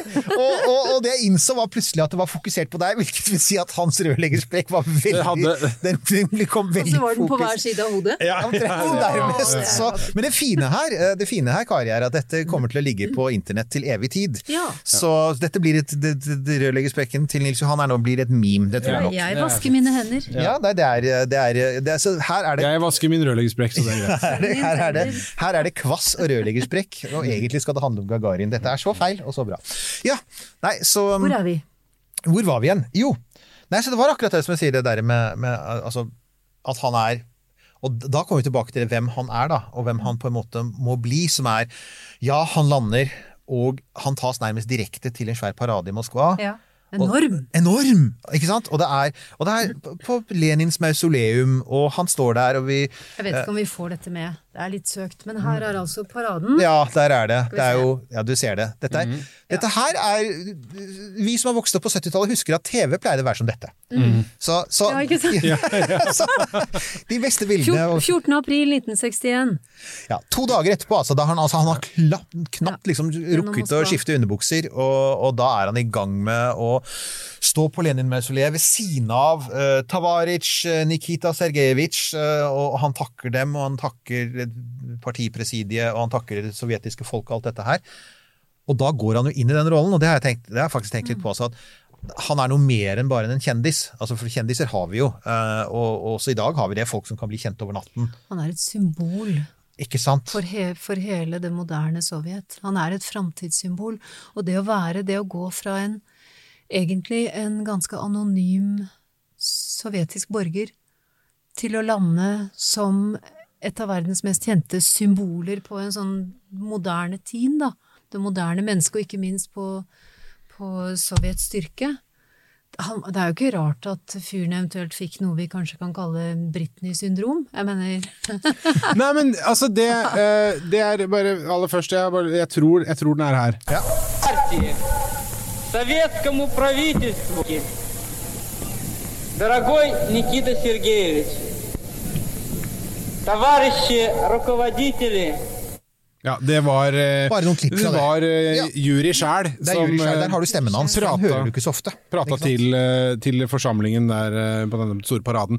Men det, det jeg skulle si, altså det som eh, Denne rollen som han fikk, ikke sant, som du sier, et symbolet for det moderne eh, teknologiske supermakten som det skal bli, Sovjetunionen og folkehelten over alle folkehelter, så slår det meg det at eh, for noen, eh, og for veldig mange som på en måte har fått den rollen, så blir det jo med tiden for meget. Eh, og da kan man jo kanskje si at hans stjerne vil for alltid være, være polert, da, fordi han eh, plutselig døde i en ulykke. Ikke sant? At han ikke Eller det kan jo hende han holdt på med rare ting som de, de har holdt skjult, men at, men at han da, Ikke kvass, ikke sant? Altfor mye kvass. Nei, men, Utbryt av kvass der, sorry. men at han Nei, men at han ikke, at det ikke var Han hadde, fikk ikke tid, rett og slett, til å bli Coco Bananas og bli eh, tung, tung alkoholiker, eh, utagerende sådan, eller et eller annet annet, da. Ja. Eller bare en helt vanlig fyr igjen. Eventuelt. Og, og det, det man tenker da, er at det kunne han vel ikke. Det er jo et uh, eksempel på det fra altså, jeg, Mitt favoritteksempel på det er jo faktisk Buzz Aldrin, som jo skrev en bok som uh, het uh, hva heter den? Return to Earth? Back to Earth? Husker jeg ikke. Han, det er en bok som kom i 1972, og hvor han beskriver det som jo faktisk var et Det var et sammenbrudd. Han uh, og er, han hadde dette legendariske, mye omtalte sammenbruddet i Oslo. De var jo Oslo, Neil Armstrong og Michael Collins og Buzz Aldrin var i Oslo høsten 1969 på denne kjempeturneren som de var ute på. Og de er på, og de er på, på middag på Slottet, og så skal det være stor statsmiddag på Akershus samme kveld. Og Buss klarer ikke å gå, og han er på hotellrommet, og han, kona hans går foran. Og jeg har jo hørt dette, for jeg har liksom snakket med folk i romfartsmiljøet, så jeg har liksom hørt den historien om at ah, Buzz lå på hotellrommet og drakk hele kvelden og ville ikke komme, han orket ikke å komme. Men han skriver jo i boka si at liksom Oslo var vendepunktet. Han opplevde altså, han sier, Det er ganske interessant, for han sier at de hadde vært på denne turneen under enormt press, og det hadde vært millioner av mennesker overalt, og masse skriking, og de kjører rundt i kortesje, og det er konger og presidenter og snorklipping og medaljer, og, og det er så mye, ikke sant? Pluss at det også er alkohol på hotellrommet hver kveld, og han er alkoholiker på det tidspunktet. Og så kommer de til Oslo, og så, faktisk, så opplever de nordmennene som kjølige. De kjører oppover Karl Johan. Og så syns de at liksom Oslo De snakker som skriver i boka, han sier vi drev egentlig bare og diskuterte hvor rent og pent det var i Oslo. Det sier ofte amerikanere. So clean here. Jeg som bor i Oslo vil jo si noe annet, men ok. Yes, det var so, so you've been to space, uh, but uh, have, you, have, you, have you heard of Oddvar Brå? Ja, nemlig. Det er litt der. Ja. Så What about Thor Heyerdahl, den He built a raft. Men han får dette sammenbruddet og blir jo etter hvert ordentlig dårlig og blir jo faktisk innlagt. Og, og blir jo på slutten av 70-tallet altså, så blir han en talsmann. Det blir laget en TV-film om denne episoden. Uh, og han blir en talsmann for dette med at NASA, og sikkert også sovjeterne, må ha et program på plass for å takle det som skjer med deg mentalt når du har vært oppe i rommet. Og det er to ting. Det ene er at selvfølgelig uh, Neil og Buss visste at de, de visste, i motsetning til Gagarin, hvor enormt det ville bli, for de hadde jo sett Gagarin. Så Ja. de visste at ok, vi vil være historiske personligheter, men de visste jo bare mentalt, de hadde jo ikke levd det. Og som han sier, når du lever det, så er det noe helt annet. Og ingen som ikke har vært der, sier han kan fatte hvordan det er å liksom være ja, igjen, et av de mest kjente menneskene på kloden, og alle skal ta på deg, og alle, alle har en mening om deg. og i dag så virker det litt sånn rart, ja, men vi har jo mange sånne, jo, men sånn var det virkelig ikke i 1969, og definitivt ikke i 1961. Så den, den har jeg tenkt mye på, altså hvordan også det Nei, det var Elvis. Det var det som tok knekken på Elvis. Ikke sant? Ja, det, ja, Ja. for så vidt, ja. Det var jo det. Man måste jämföra. Ja, man måste hjemføre. Men du, interessant spørsmål her som, eh, som kommer. Jeg legger det ut eh, herved. Eh, Espen igjen. Eh, hvor langt unna var amerikanerne ved å slå Sovjet på målstreken når det gjaldt å få sendt opp første menneske? Hadde amerikanerne en kandidat som sto klar? Ja, Og- det hadde de. Det hadde de i aller høyeste grad. Vi, hva? Det var vel på håret? Ja, det var helt på håret. Eh, vi er litt innom det i, i podkasten vår eh, som vi har sluppet tidligere i dag. Men ja, eh, de hadde navnet klart. Det var Alan Shepherd. Alan Shepherd skulle opp, og amerikanere flest regnet med at han skulle opp først. fordi at i motsetning til sovjeterne så hadde de et ganske åpent program. Her kan vi da anbefale filmen The Right Stuff. Som skildrer Mercury-programmet, The Mercury Seven. Der er Shepherd er en av dem. Og, og planen var at han skulle opp altså opprinnelig noe sånt noe som ca. mars 1961. Eh, Problemet er at i januar 1961 så har de den siste testferden, og de bruker altså aper og ikke hunder. De sender opp sjimpansen Ham eh, med en rakett, eh, som altså med raketten og romkapselen som de skulle sende opp mennesker i, og så går det egentlig forferdelig galt. Raketten kommer ut av kurs. Eh, Kapselen mister oksygen. Ham blir spam. Ham overlever, men han er rasende og panisk og har dundra løs på innmaten eh, i romkapselen. Visstnok ifølge romjournalister. NASA sier noe annet. Det finnes to versjoner her. Så det er ikke bare sovjeterne, altså. Alle lyver litt, og alle, Alle pynter litt. Ja, ja. Og, og NASA var veldig opptatt av at alt skulle, alle skulle ha sånn crew cuts, og alle skulle være kjekke, og alt skulle være perfekt. Det var en av grunnene til at Buzz Aldrin fikk sammenbrudd, var at alt skulle være perfekt. Han fikk ikke, du fikk ikke lov til å være uperfekt. Så den ferden går galt i januar 1961, og da er det Werner von Braun som, som bestyrer akkurat den delen av prosjektet, sier vi trenger én testferd til før vi kan sende opp et menneske. Og amerikanerne vet at det tar seks til åtte uker å stille opp en rakett og få et, et, et, noen opp i rommet. Så slutten av januar, slutten av mars, og det betyr at det er enten midten av mai eller slutten av mai. Så når den testferden har gått av gårde 25. mars 1961, da vet sovjeterne at de har seks uker på seg, og han reiser altså 12. april. Så Espen, eh, planen var opprinnelig å reise opp i mars. Men, men er det også at de bare hadde seks uker på seg, at de måtte få opp farta hvis de skulle være først? Har det noe med den tilstanden eh, Balja var i? Altså, ja, romskip-? Ja, Garins, ja. ja, ja, i høyeste grad. Vostok var jo ikke ferdig. Det, den, det var jo work in progress. Og, Men for en sjanse å ta, da. Ja, kjempesjanse. Og, men, men, men altså, igjen, altså han, min, min eh, favorittromhistoriker Asif Siriki han sier at det mest imponerende ved, ved, ved Vostok var at det var konstruert sånn at det tålte alle feilene. For litt avhengig av hvordan du ser på det, så var det mellom seks og tolv feil, og alle sammen var alvorlige. Så, blant annet så funka ikke airconditioning-anlegget ordentlig, bremseraketten funka ikke ordentlig, raketten som gikk opp funka ikke ordentlig, radioen funka ikke ordentlig, og dermed har du allerede fire feil som burde vært en kanselleringsgrunn, ikke sant? Ja. Men, men, men, men det er den biten hvor du kommer til galskapen i romkappløpet, som er eh, at de tar noen sjanser som man aldri ville tatt i dag. Altså, vi, vi snakket jo om Apollo 8, den Ikke første sant? ferden Ja, ja, månen i absolutt. 1968. Der spør jo det er jo kona samme greia. Ja, ikke sant? Det er vel Frank Bormans kone. Hun spør en NASA-sjef og sier liksom, hva er sjansen for at mannen min kommer tilbake til livet? Han sier ja, rundt 50 Det er sånn. eh, det er jo ikke, altså, vi ville jo aldri godtatt det i dag, men i romkappløpstiden så er man der hele tiden. Mm. Helt på grensa. 1202.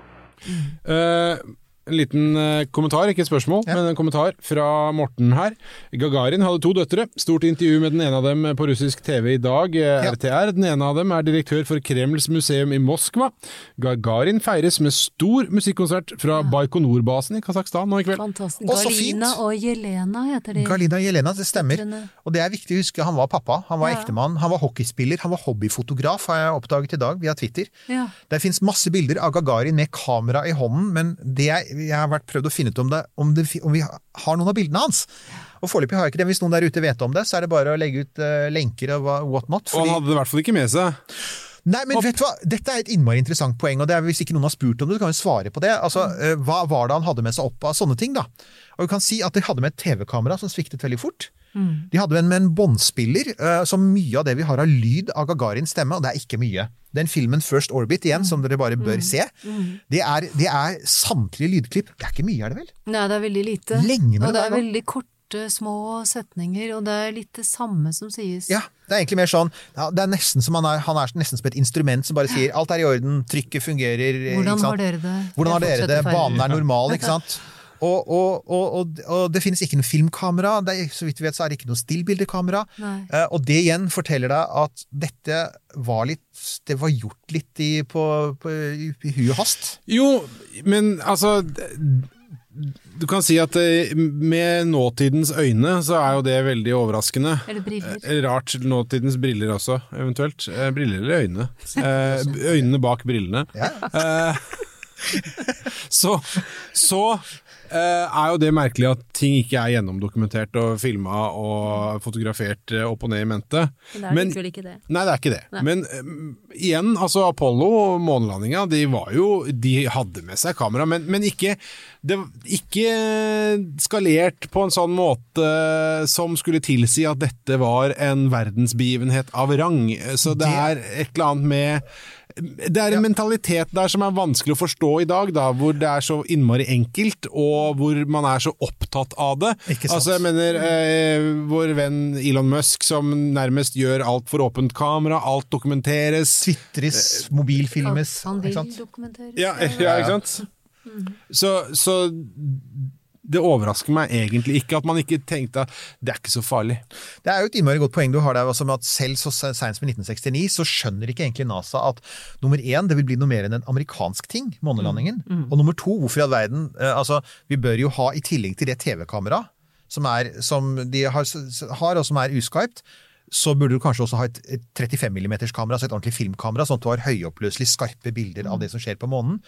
Eh, Og det går litt igjen eh, under hele Apollo-programmet. At man liksom sånn, fremdeles man er litt sånn på bakfoten når det gjelder akkurat det med å, å se, og ikke bare se på det som nasjonal prestisje eller forskning, men også se at dette her er en ja, som du liker å si, som jeg synes er så bra, at dette her er den, den, den viktigste, noe av det viktigste positive Hvordan er det du pleier å si det? En positiv hendelse som har samla hele menneskeheten. Ja, ikke sant? For at, altså, det Det var, månelandingen var jo det. Altså, det, ja, det, Og Gagarin, på en ja, måte. På, et- på et vis, bortsett fra at uh, Ja, jo da, det er jo det, men amerikanerne ja, Men for, for, store, for det er interessant.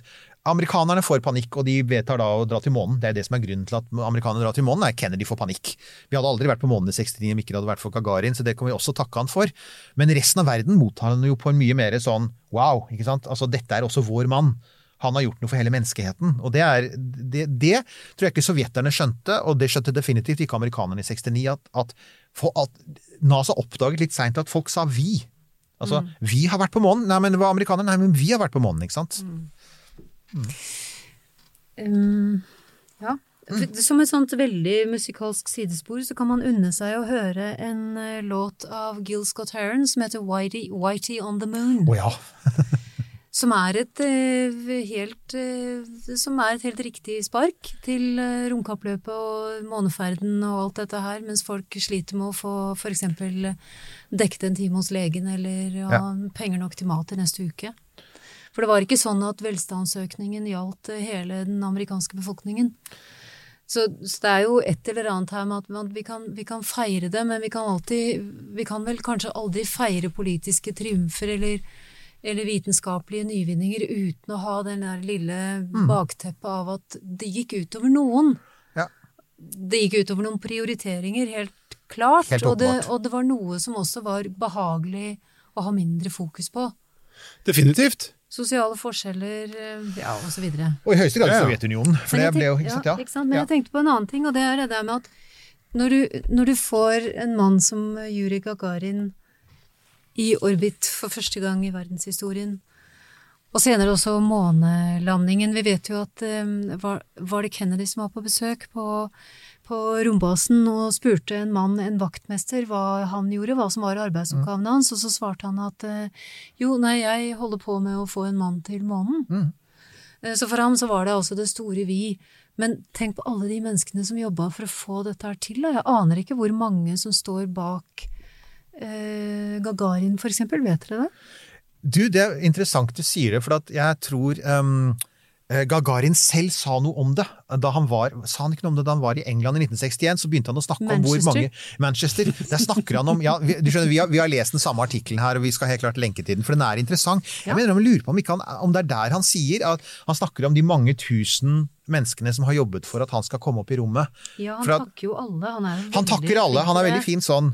Uh, I USA så pleide man å si at det var 400 000 mennesker på det meste som faktisk jobbet på måneprogrammet. Altså, det er jo, når du tenker på det, gigantisk. Inkludert vaktmesteren. Inkludert vaktmester og alt mulig, og det var noe av de viktigste som jobbet på måneprogrammet, var jo disse damene som sydde romdraktene. Det var jo et lite firma i Massachusetts eller noe sånt. Noe som, Tenk å bomme på et løkkesting der. tenker, ja, da, da, da, da går du fra romtriumf til romtragedie. Ja. Nils Johan, yes, kom Ja. igjen. Uh, her er det Morten, vet du. Morten har eh, googlet frenetisk her, uh, ikke sant? Eh, og funnet ut at oppklaring Bildet av Gagarin, Gagarin med den omstridte hatten, Ja. eh, eller hva nå den er laget av, Ja. eh, det er fra Sotsji, Sotsji, ja! hvor han var på ferie i mai det? 1961. Var der i to uker. Ja, men Så deilig at det var mai 1961, med andre ord rett etter at han, han hadde landa. Han fikk litt ferie. Han fikk litt ferie, for at, altså, han dro jo veldig fort ut på turné. Han, Morten. Han, jeg tror, i 19, da, da, jeg tror det, NRK sier det at når han er i Norge i 1964, da har han allerede vært i 39 forskjellige land. Er. Da har han selvfølgelig besøkt hele østblokken og alle vennskapslandene til Sovjetunionen, men han har også vært veldig mange andre steder, og overalt så er det det samme kjøret. Og selvfølgelig, i motsetning til amerikanske astronauter, så var det alltid noen som passet på han. Det var alltid litt sånn Og han hadde uniform. Og han hadde uniform, så det var en helt annen rolle. Så jeg kan ikke skjønne noe annet enn at det må ha vært eh, ja. Det var mye behageligere for ham å reise rundt i den der snasende snaskens kjeledressen. Ja, ja, ja, ja, ja. Og, og, og slåss med ulver i alle land han kom til. og så er det et godt poeng her, som Ja. Lennart uh, kommer med. Synd at Gagarin ikke fikk oppleve månelandinga. Du, Ja. Ja. Det er jeg faktisk egentlig helt enig i. Ja. men det hadde vært med en litt bitter bismak. fordi at i 1968 så er sovjeterne er i full gang med å bygge en månerakett. Den heter N1. Og han ville aldri fått lov å ha. Han, nemlig. Det, det, altså, og her er det igjen. Altså, noe av problemet med å snakke om Gagarin er at det er så mye som liksom er blitt borte. Det er, det er mye, noe av det er propaganda, noe av det er rykter, noe av det er sånn, hva er det sånn heter apokryfe historie. Altså, det er sånn historie folk forteller, men vi har ikke egentlig noe belegg for det. Ja. Og en av historiene som går om Gagarin, er at han er med i diskusjonen internt i det, for han er en del av det sovjetiske romprogrammet, og han var faktisk satt opp til å være med på en Soyuz-ferd, den første romkapselen Soyuz i 1968, men så krasjet Soyuz 1 og, og astronauten døde. Han var backup-mannskap på Soyuz 1. Gudskjelov så ble ikke Han måtte ikke overta for han som døde, for ville, da ville Gagarin ha dødd. Uh, men, men det sies også, og det er et av disse ryktene som går da, om at Gagarin også har vært med på diskusjonen om hvem som skulle være først på månen. og det man sier er at Hvis sovjeterne hadde landet først, så hadde det vært Aleksej Leonov, han som gikk i rommet. Tror man, men Gagarin var også med på den diskusjonen, har vært sagt. Så ja. Og så ville de eh, vel ikke slippe han opp eh, på flere romferder heller, fordi det knyttet, ble knyttet så mye prestisje til Ikke sant? at det hadde gått bra første gangen. Ikke sant, Tenk om han hadde dødd. Men det er helt, eh, men ja, det hadde, Gagarin personlig hadde helt sikkert satt pris på det. Fordi, men, eh, men, men det hadde nok vært en bismak der, fordi at eh, Sovjeterne brukte fryktelig mye tid og penger på å komme seg til månen, og det gikk veldig, veldig veldig galt. Altså, jeg pleier å si Det sånn at det starter veldig bra for sovjeterne på starten av 60-tallet. Det er liksom sånn, Da er de i gang, de sender romsonder. Ja? Ja. Og så, mot slutten av 60-tallet, så er det veldig nedtur. Eh, Da, altså Koroljov, eh, sjefsdesigneren, dør i 66. Gagarin dør i 68. Du har denne dødsulykken med Soyuz som forskyver hele romprogrammet deres. Den store raketten N1 eksploderer, de kommer seg aldri til månen. Og det er først langt ut på 70-tallet at de liksom henter seg inn igjen og finner en ny vei da, videre i romfarten. Det er som min gamle mormor, som var sykepleier, sa. Hun hadde to ting. Hvis du spiser Nei, hvis du bader rett etter at du har spist, så svømmer du som en skiftenøkkel. Og den andre var hastverk er lastverk. Den siste går til uh, Det var den, for jeg antok det var den, ikke Det skiftenøkkelen. Ja, Men, altså, men altså bevares. Ja.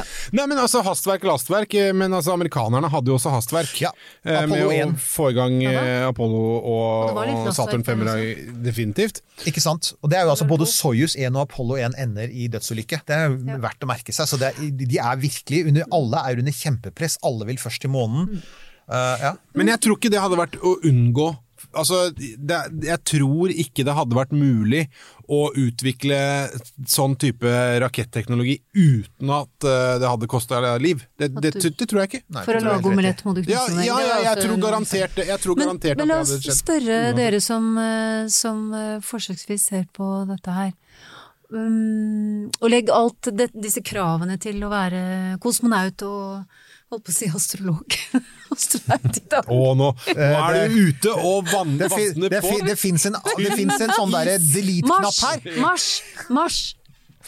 Mars. Mars, ja. Hva med Hvis, hvis dere som en helt vanlig borger i dag, tankeeksperiment, fikk eh, beskjed om at eh, dere kunne reise til Mars Man kunne ikke garantere noe som helst.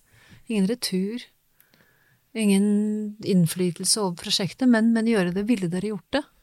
Godt spørsmål. Det er spørsmålet til dere som eh, Det er jo egentlig mer eller mindre Elon Musk-planen som skildres her. Altså, du Ja, drar til. Mars. sant? Eh, Han sier det. Han sier at uh, folk kommer til å dø, sier han. Eh, Men det blir en fantastisk kul ting å være med på å bygge opp et helt nytt samfunn fra scratch. Så folkens, hva, hva tenker dere? Ville dere? Glorious death. Ja, ja. Men eh, kanskje ikke nødvendigvis det engang. Men Jeg vil gjerne dø på Mars, men helst ikke under en krasjlanding, som Musk sier. Og det er jo som er fortonet som en skrekkfilm. Det var jo også et sånt eh, reality-prosjekt, dette er Mars Mars One, One-prosjektet. ja. Men disse tullingene, var det nederlendere eller noe sånt. sånt? Kunne sendt som- kona, kanskje. Ja. Ja, sendt du, hvor det meldte seg folk med familie, unger og bikkjer og sa at jeg drar i morgen. Ja, jeg møtte faktisk et par av de som hadde meldt seg på det, uh, i forbindelse med et eller annet TV-program. og Jeg, altså, jeg trodde jo aldri på det, for at de, hadde jo ikke noe, de hadde jo ikke noen plan, og det er jo den store forskjellen. altså og Der har man vært veldig lenge nå. Eh, Det, var jo, det er jo faktisk altså en av grunnene til at Elon Musk ville til Mars, var at han i 19, slutt på slutten av 1990-tallet så tenkte han jeg må jo se på denne planen som NASA har om å reise til Mars. Den, det, det, jeg er jo så nysgjerrig på dette. Og så viser det at NASA har, har jo ikke noen plan. De har aldri hatt noen plan for Mars. Og Det var derfor han begynte med hele, hele dette opplegget sitt. Eh, og, og, og det er klart, Der har du igjen en stor forskjell på 60-tallet og fram til nå nylig. da, og det har vært at det var faktisk noen veldig store planer. Det var jo det. Eh, Du skulle til månen, og du skulle bygge baser der, og du skulle liksom videre ut, og du skulle erobre verdensrommet. Og den igjen, det er Tsjolkovskij, og det er Koroljov. Og så er det liksom sånn Kom igjen, hva er det noen har sagt? Du smiler her. Ja, det er det. Det er bare uh, Brace yourself, uh, Eirik. Uh, hvis jeg drar til Mars, skal jeg spise Snickers på veien. Tog du han? Hæ? Fordi Det er en katt som heter Snickers. Som var Det Ok, med det i Hva var det for noe husker igjen? ikke helt hva det var det igjen, du vet hva kan jeg si med en gang? Jeg tok han ikke. Jeg mener bestemt at det, det. det kan hende jeg tar det feil nå, men jeg mener at det er en eller annen katt som heter Snickers. Ja, det er det. Men hvis noen snakker om å spise katter, så Ja, ja, da, da, nå, nå begynner vi å nærme seg. Ja. Nå er jeg krenka her på vegne av det katteslekten. Det er mye ja her. Det er mye ja. Eh, Det er mye ja, ja. Det er ikke så mange som Ja, nå tar folk, nå tar folk fram altså, nå, tar, nå tar gjesten fram Google her, siden eh, dere bare sitter og sier Jeg ja. har, jeg har lest dette her. Dette har lest dette her. Jeg har altså Oi, det er en som sier nei. Når jeg søker Snickers katt, så får jeg oppskrift. Men altså, ja. Du får en oppskrift, ja. Ja, Mars er en sjokolade. Ja, So many cats, so few recipes, som det av og til sies. Ja, men altså, uh, uansett. Um, Eh, Nei, jeg skal bare jeg, skal, jeg har lyst til å bare dra det litt tilbake her. For det var et kanskje vi skal komme tilbake til Eh, eh, litt sånn tilbake. Det var eh, en Ja. litt sånn eh, artig avsporing for alle dere med Mars, men eh, Skal vi se, her. Eh, nei, ikke den. Jo, eh, her. Eh, Lars Henrik, eh, hva var grunnen til at amerikanerne fikk det til, og sovjeterne feilet?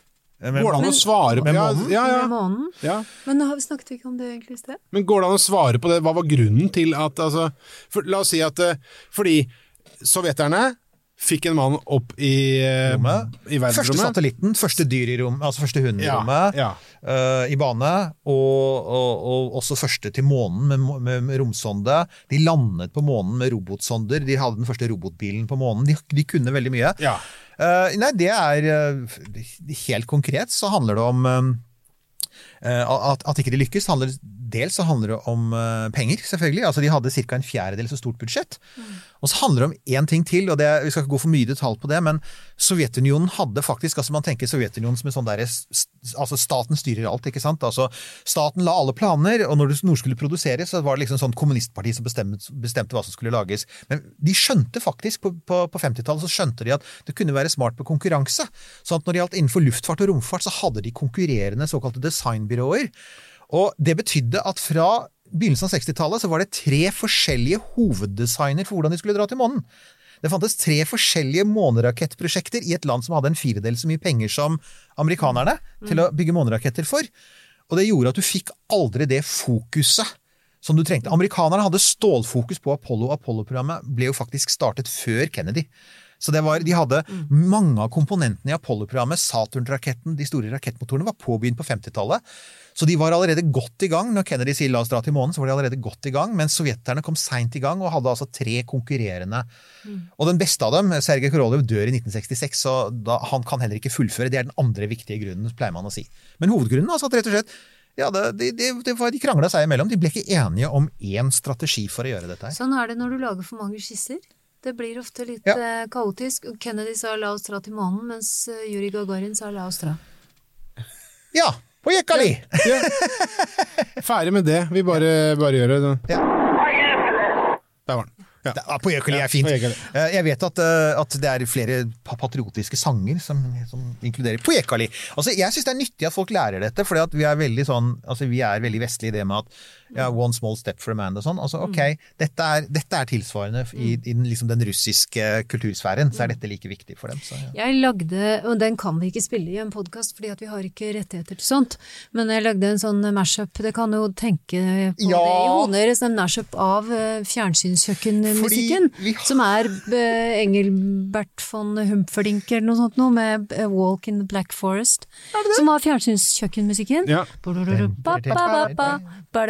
Ba-da-da-ba-ba-ba-ba. Og så med Herb, marsja jeg- Herb Alpert, hennes Tuana Bras, er det. Er det det, ja? Ja, jeg mener det. Og så marsja jeg den eh, opp med mm, Kalinka, med den røde kor. Og, eh, Den røde armés kor. og Som er jeg kan si, jeg har hørt det, og det var veldig fint. Det var en veldig fin mashup, men du har helt rett. Ja, ikke. Eh, ikke har vi rettigheter til det. Og, da, og, og, og YouTube og Facebook har sånn Nei, såkalte copyright strikes. De Ja. skanner det, og hvis det er noe som er rettigheter til, så bare fjernes det. Og plutselig så ville vi gå i svart, og så ville dere lure på om det var en stor konspirasjonsteori, og så var det rett og slett bare Dere kan prøve å lage denne miksen selv. Ja! Fordi at det er, for at vi er jo litt der, vi er litt sånn, altså vi er litt sånn på fjernsynskjøkkenet i og med at vi da har, Ja, vi er vi har tatt med, vi har tatt med astronautmat. Du- jeg har den, og du har den, ser du den? Og så har vi der. Det er noe sopp. sopp. det, ja, det er sopp, og dette er potetmos. Og så må vi jo, og vi, jeg vet ikke om vi, vi rekker ikke å lage det, men vi har altså, fordi vi er på det stedet vi er her, så har vi russisk bjørnekake med mandler. Så hvis noen har lyst på bjørnekake med mandler, så, så har vi har det. Altså, jeg Du, dette har er nudler, rett og Det er nudler, ja, ja, ja. Jo, men nudler er jo Nudler er jo veldig eh, mye spist sånn i Kasakhstan-traktene og sånn, så er det jo masse nudler.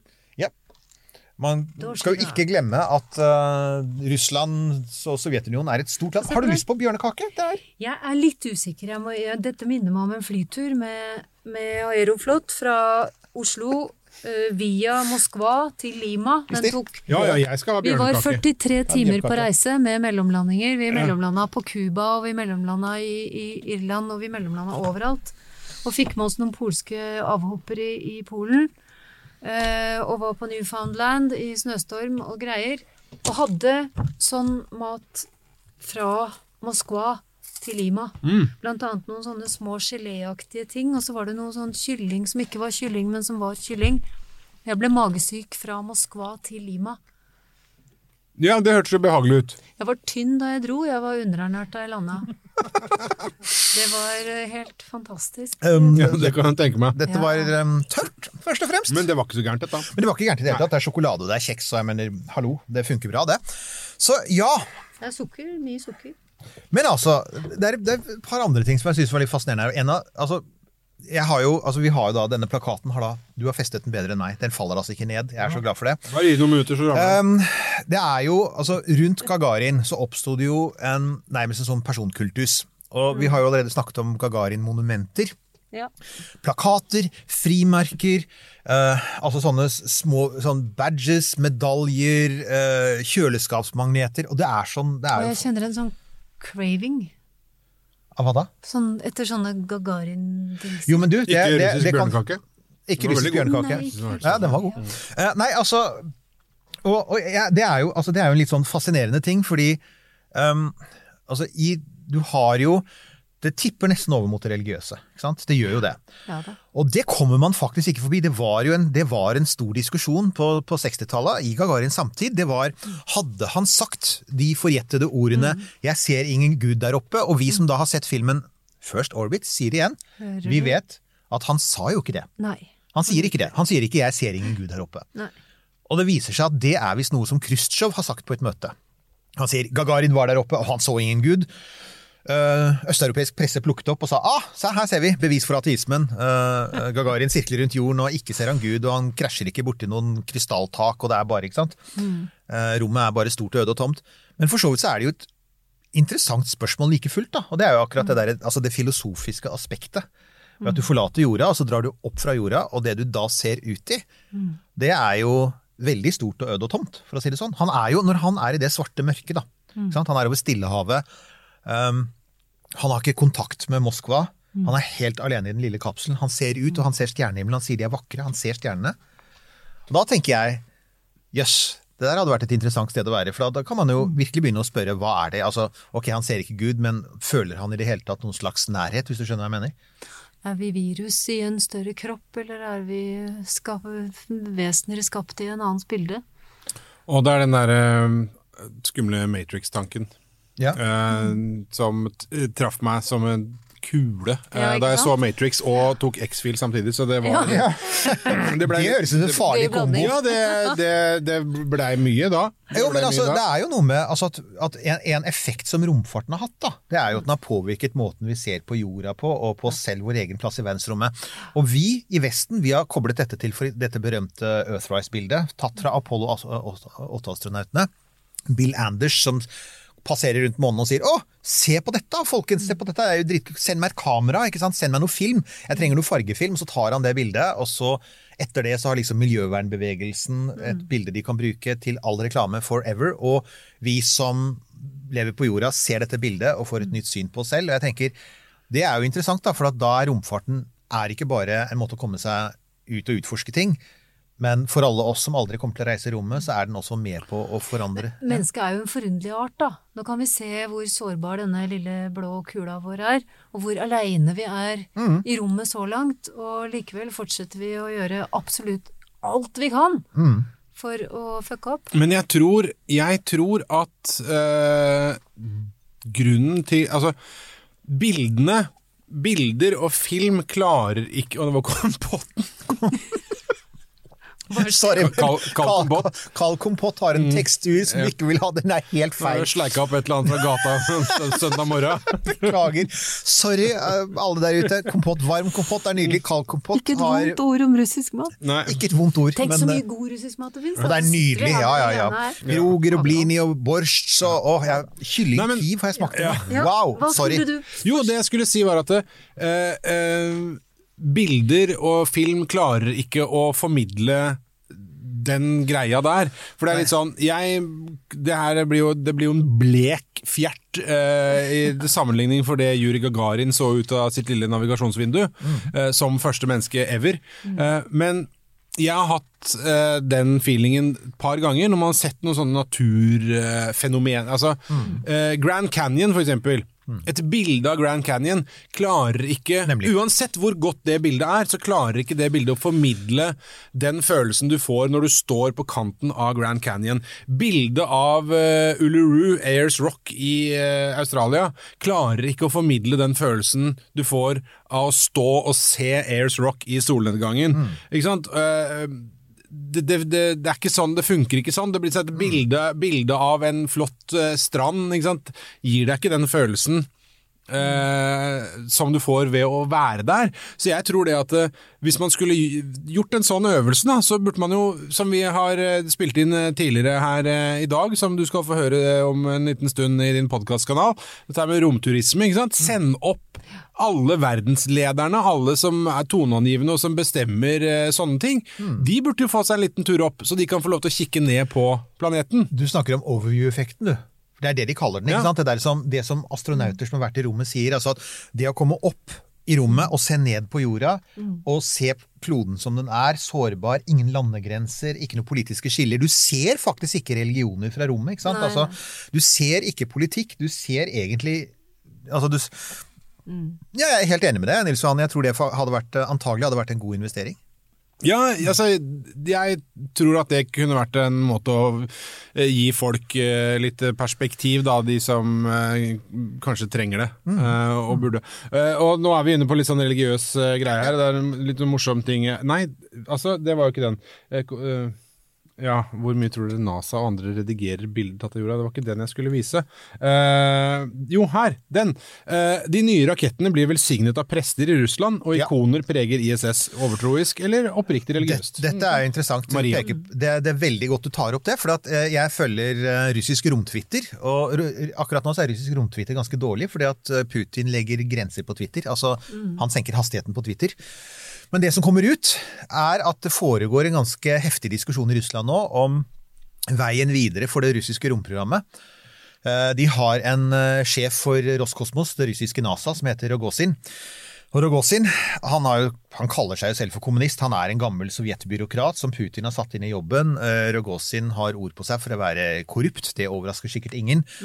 Ikke en spesielt god leder, definitivt ingen visjonærleder. Og nå blir han tatt ganske grundig, eh, faktisk også i forbindelse med Gagarin-jubileet. Så ser jeg at folk er ute og kritiserer han for, og det er også da blant annet Navalny-tilhengere, da tilhengere av den opposisjonelle politikeren, som er ute og kritiserer nettopp um, det at man prøver å gjøre det mer religiøst og nasjonalistisk. Um, det er interessant, fordi diskusjonen gikk allerede på 60-tallet, så var man jo litt opptatt av at eh, da representerte da representerte jo Gagarin det ateistiske Sovjetunionen, men Gagarin var jo selv døpt, og var vel også faktisk døpte sine barn, altså i den ortodokse kirke. Så han, og han var jo en landsens gutt, og på landsbygda i Russland og i Sovjetunionen så fortsatte religionen å stå veldig sterkt. Ikke sant? Den sto sterkt. Så, så men det er helt eh, Det har kommet ganske mye kritikk også i eh, russiske romfartskretser av at ledelsen i eh, den politiske ledelsen for romprogrammet der borte bruker religion såpass bevisst. Så det, jeg har også sett de bildene av ortodokse prester som velsigner og har vann på det, eller hva det er nå de har. Uten å være veldig respektløs, så er jeg ikke helt sikker på hva det er de har på romskipet for at det skal fly. Personlig ville jeg heller hatt en ingeniør der, men det er meg. Jeg tenker sånn Jeg kan ikke skade. Det er sikkert det de Nei, Men å blande politikk og religion er jo ikke Det har Nei, det er- alltid vært en god idé. Ja, det har nemlig. Det Det har er, det er, det er, alltid ikke vært en suksessoppskrift. Det har alltid vært suksessoppskrift. Ja. sant? How's that working out for you? Og det er det som er, så det er litt det folk er litt bekymret for den retningen. De er også litt bekymret sånn generelt for det russiske romprogrammet, for at det har mistet mye fart. Um, De inngikk jo nylig en samarbeidsavtale med Kina, fordi de innser jo at USA er i ferd med særlig de nye kommersielle aktørene, SpaceX og alle disse andre, med masse ny teknologi. De løper fra uh, russerne. Det er ikke lenger et politisk kappløp styrt av myndighetene, det er et kommersielt Kommersielt. kappløp. Kineserne er med på det. Kineserne har sine egne selskaper, ofte sånn halvveis statlige som Huawei og sånn, men de har sine egne. Russerne kan ikke matche det. Og de føler at de, er, de ligger etter, så nå har de inngått et samarbeid med kineserne om romstasjon, månen og de diverse andre ting. Så det er jo, ting er i endring der òg. Ja, for, og vi synes jo ting eh, Kina driver med er veldig fint. Det var også en sånn unnavei. Ja, eh, så jeg har sagt at eh, den, den store nasjonen Kina har fått til mye flott, og vil fortsette i framtiden også få til mye flott. Midtens rike. Hei til kommunistpartiet! Ja, sånn. Da var det løst. Nå Så vet jeg hvor jeg skal på ferie om et par år. Mm. Rundreise i kino, sponsa av Kina. Det blir fint. Eh, skal vi se. Uh, er, nå er det Ja. da altså Hvis vi da tenker at uh, vi starta klokka ni, Ja. så kan vi jo eventuelt, hvis det skulle være behov for å hive på et par minutter eh, for teknisk eh, snall, så klokka åtte. Klokka åtte, Klokka åtte, unnskyld, ja, klokka åtte, ja. Så eh, Vi, er vi vi jo slenger da på på et par ekstra minutter nå. minutter for tekniske problemer og rørleggersprekk. Ja. Men du, det var et nå, Ja. eh, nå, det er Nesten så jeg skal gi opp uh, Gi opp uh, og, Og legge ut kommentarer, men da tar vi det finne verbalt. kommentaren tilbake. Jo, her er den. Her er den. Uh, Dagfinn leverer mye gode spørsmål. Var det mye spionasje mellom de ulike romprogrammene? I høyeste grad, Dagfinn. Og det er jo en av de tingene som um, Når man har kommunikasjonen mellom uh, Jeg tror faktisk vi har kommunikasjonen mellom Gagarin og Koroljov liggende, har vi ikke det? Jeg tror det, Eh, er, skal vi det se, tror jeg faktisk er det knapp nummer én. Tror du det er knapp nummer én? Ja, skal vi prøve? Eh, vi Jeg prøver, tror det. vi Prøver prøver den. den. Кедр, я заря один, зажигание. Понял, отдается зажигание. Предварительное. And away they went. Og så kjører raketten. Poenget her Eh, Dagfinn, det er at dette er Sergej Koroljov som kaller seg selv for Soloppgang, og eh, Gagarin kaller seg for Keder eller Seder, ikke sant? Og du Jo, hører det under hele ferden, så sier han Keder, sier han. Dette er Keder. Mm. Uh, og, og han roper hele tiden på Soloppgang. Det er en ganske sånn Ja, de hadde kodenavn helt Ja. til de var ute av Og så selvfølgelig så er det ikke noe vits i å gjøre det lenger, men når de skal skytes opp, så har de det. Og det er blant annet fordi vestlig etterretning så godt de kunne lyttet til alt som skjedde i Sovjetunionen. Sovjeterne spionerte på amerikanerne, amerikanerne spionerte på, på sovjeterne. Det var nok ikke så mye direkte eh, spionasje innad i det sovjetiske romprogrammet, og det vet vi av én grunn, og det er at mange, mye av det som skjer eh, kommer veldig overraskende på amerikanerne. Det er ikke sånn at de liksom sitter og sier å ja, han Koroljov han vet vi om, og vi vet at han bygger en diger rakett, og den, den er nok ferdig i løpet av 61 eller 62. Ja. Han sier ikke det. Eh, Det er sånn de er klar over at noe skjer, de er klar over at du har en sjefsdesigner, de er klar over hvor langt de har kommet, men mye kommer fra spionsatellittbilder, så det er mye som er sett ovenfra. Ja. Uh, og, det, og man vet at um, Du ser det seinere også, i forbindelse med det sovjetiske måneprogrammet, at noe av den viktigste etterretningen vi har om den store sovjetiske raketten, det er faktisk sånn CIA-satellittbilder. Med andre ord noen som var inn, altså De hadde ikke noe mulv... Så vidt vi vet, da. Og ifølge igjen, han Asif Sadiki, han er en god kilde. Han finner ikke noen muldvarper i det Nei. sovjetiske romprogrammet. Og jeg tror faktisk heller ikke at sovjeterne har så veldig mange i det amerikanske på det tidspunktet. Derimot vet vi at i 1975 så gjennomfører sovjetisk etterretning et, et av de første hackerangrepene mot amerikanske myndigheter, og det er NASA. Og de henter ut blant annet alt det som NASA ikke hadde lagt ut av plantegninger om I romferja. 75? Ja, Ja, 75, for det, det var akkurat det jeg satt og tenkte på. Ja. Det er ikke helt Nem- tilfeldig nemlig. at uh, Nei, nei, Buran er- er snytt ut av nesa på romferja. Sovjeterne sparte sånn ca. 20 års forskning. Altså, de hadde aldri rukket å bygge, bygge eh, romferja si hvis ikke de hadde delvis eh, brukt offisielle kilder, for NASA slipper veldig mye fri, men også faktisk eh, stjele informasjon. Vi skal huske også her i landet på den tida russiske diplomater eh, stadig gikk på sopptur i, i dress, sko, og kom ut Ja. av skogen med en kurv med sopp. Og at vi hadde en far i nabolaget som sa hvis du setter blyanten inn til vindusruta, så kjenner du dirringa av radiosenderen i Kiev. De er her, vet du. Lurer oss. Men det, det var, men det var jo litt av en periode. altså Det er ikke det. Det var etterretnings... altså Alle spionerte på alle, og, og alle forsøkte jo å lure spioner inn i alle slags programmer. Husk spionsakene. Ja, Og thrillerne og krimlitteraturen. Alt ja. var jo bygget rundt Og Frode Berg. Men, eh, men jeg vet jo jeg vet jo for at i 1957 så, så, så vet jeg jo at liksom Eisenhower slår litt i bordet og sier unnskyld, men hvorfor i all verden får jeg ikke vite om dette på forhånd, liksom. Altså, De driver og bygger en kjemperakett, og de tar oss på senga. Dette Hvorfor holder de meg utenfor? Ja, ikke sant? Hvorfor, hvorfor får jeg ikke vite om dette? Og det, det skyldes jo da at de hadde, de hadde for, for lite for dårlig etterretning. Men ja da, de spionerte. Og lytta. Og fløy spionfly over, blant annet. Ja, ikke sant? Eh, Og, som bråkte. U2. Ja, U2. Altså, det var, og det var jo apropos den romdrakten til Gagarin som vi var inne på i stad. Det er jo u, særlig U2-pilotene, og det er fordi at eh, de romdraktene til Gagarin var basert på de draktene som ble brukt i høytflygende fly. Ikke sant? Så det var veldig lett å mista han for å være en pilot, altså, rett og slett. Ah, Så derfor, så, derfor som i hui og hast som alltid CCCP på. Og du kan faktisk se det. Se på bildene, så vil du se. Det ser håndmalt ut. Det er ikke, det er ikke profesjonell stencil-art fra Så- en eller annen fabrikk i Uralfjellene. Det er neglelakk, ja. Det er litt sånn, ja, ja, nemlig. Og så, da, da- kan jo man tenke seg at, at eh, Gagarin, idet han lander, da, også er heldig at han møter på skogvokterens kone og skogvokterens datter, og ikke skogvokteren selv. vovet novelle. Ja, det var det, jeg- det var det jeg tenkte også.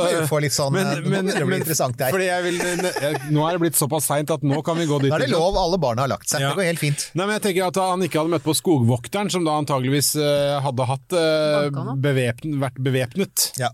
Eh, for det kunne jo fart ille hvis han da hadde blitt eh, mistatt for å være en amerikansk U2-pilot. Og hun var bare utstyrt med en snare. Ja, og Men det er jo, det er, det er, var ikledd bare en snare. men, det, men det, er, det er jo noe av problemet du også har da, med å ha et system som tross alt er altså var så basert på, på, på mistillit og mistenksomhet og angiveri som sovjetsystemet var, så er det klart at det var en sjanse du tar med å droppe ditt eget lands borgere rundt om i landet, og du vet aldri. Men de er jo der litt fremdeles. Eh, Mitt favoritteksempel er jo det fra og det er faktisk det var vel i fjor eller forfjor, hvor de, de lander jo fremdeles på steppene i Kasakhstan med disse Soyuz-kapslene. Og, på, og da var det den konkrete landingen. Da kommer det jo ridende sånn tre mann på hest, som rett ut av liksom, Det er som Djengis Khans tropper, ikke sant? Og, Og det er, det er jo helt fantastisk. Altså, så tre mann på hest, og denne her høyteknologiske kapselen som fremdeles er varm etter uh, gjeninntreden fra verdensrommet. Det er, Da kan man ta, beholde det bildet til Eirik der, og så kan man lese boka til romanen til nobelprisvinneren som het Djingis Aitmatov. ja, Og den heter at dagen varer lenger enn et århundre, het den på norsk. Og den handler jo om dette her. Om steppefolket og det møtet med den nye tid, at området blir sperret av, var det ikke sånn? Og romteknologi Jo, og sånn, og de ble fordrevet fra egne Ja. for at det er en av de tingene som vi Fantastisk roman. Fantastisk tips. Uh, og og, og det, er jo, det er jo en realitet i Sovjetunionen eller Russland fremdeles. og det er jo du skyter opp fra, du skyter opp fra Kasakhstan. Mm. du flyr østover, for da får du litt drahjelp av jordrotasjonen. Og da har Sovjetunionen og Russland det de av og til vil kalle for innlandshavet. De har enorme områder som er nesten folketomme, hvor de kan droppe førstetrinnet på raketten sin. Amerikanerne har alltid droppet i sjøen, sånn at Atlanteren er jo full av rakettrinn fra, fra Cape Canaveral. Ikke sant? De flyr utover, og så dropper de dem, og så drar raketten opp i rommet. Um, mens sovjeterne de har jo da dette endeløse steppeområdet, men det er jo ikke helt altså Også i Sovjetunionen, vi vet, Sovjettiden, vi vet jo at det hendte jo at det, det dalte jo ned ting som Om ikke noen ble drept, så dalte det jo ned på åkre og gårder og, og sånn. De gjorde jo det, for at, altså, disse trinnene har de jo ikke noe kontroll over når de kommer brasende ned gjennom atmosfæren. Ja. Og jeg, eh, altså i tidligere liv, eh, så var jeg en tur i Kasakhstan. Ja! Oh, wow. Og da fikk jeg jo Det var, det var sånn tolke eh, fram og tilbake, så det var liksom vanskelig å egentlig få med seg hva, hva som ble sagt. Men eh, da hadde vi en omvisning på, eh, av, med sjefen for det kasakhstanske romprogrammet. Og han orienterte da om deres planer for å bygge eget. Altså ikke bare, bare på en måte huse russiske anlegg, men bygge eget. Og, og et av de eh, poengene som ble brakt fram da som i positiv forstand, som var liksom en fordel med det, eh, utover at det allerede var etablert ting i Baikonur, var at eh, vi har jo all den plassen vi trenger. ja.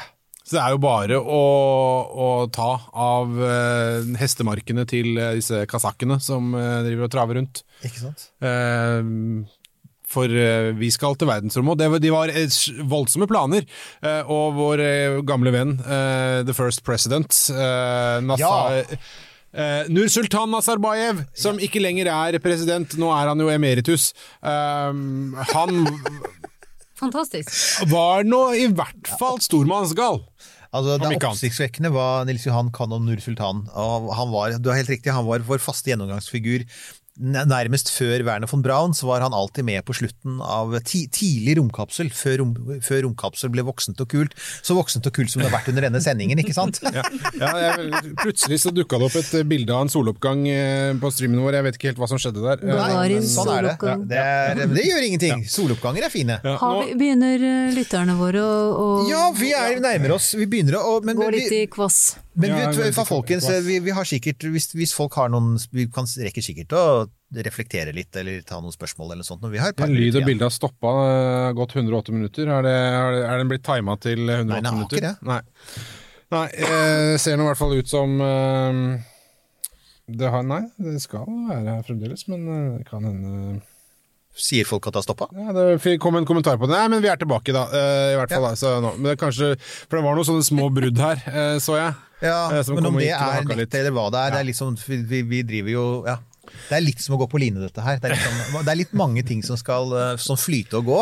Men vi lærer stadig eh, å bli bedre for hver gang. Det har ikke vært Vi må gjøre én ting før vi går. Bare. Ja!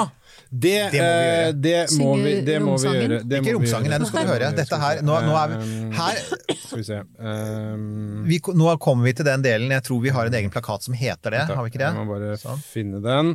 Eh, det, skal vi, det skal vi definitivt gjøre. Takk til våre Eh, sponsorer. Sånn, ja, det er faktisk Det er det, vi Det skal er vanlige eh. Som støtter dere. Det er rett og slett de som støtter oss. Fantastisk. Og, det er rett, altså, og grunnen til det er altså, at vi igjen, vi eh, sier det jo av og til, egentlig litt for ofte, men altså, vi har jo ikke noen sponsorer og vi får ikke noe offentlig støtte. Så vi, det er jo alle våre eh, kjære lyttere, faste lyttere og trofaste støttespillere som, som vipser oss ting. Så dere er ikke rominfluensere? Nei, vi er ikke rominfluensere. Det, vi, vi, Altså- jeg har, det, altså det eneste jeg har Vi er jo da nå eh, Ja. ESA Insiders. Star Insider. Star Insiders har vi jo blitt. Så vi har jo direktelinje til ESAs eh, ledelse, så vi er jo en slags rominfluensere. Eh, kontaktet direkte fra uh, ESA. Og de yeah. kanskje har hørt på i kveld? Eh, mye mulig. Det er i er hvert fall noen representanter, hvert fall, kanskje noen representanter fra, fra ESA som har, som har hørt på. Håper at de, de, de, men de er vant til at det er litt sånn trial and error på de, har, de har vært vant til det. Dette er romfart, vet du. 1202. Uh, ja, det er Space is hard. 1202. Ja. Nei, men altså, vi har, eh, vi har en haug med støttespillere der ute. Ja.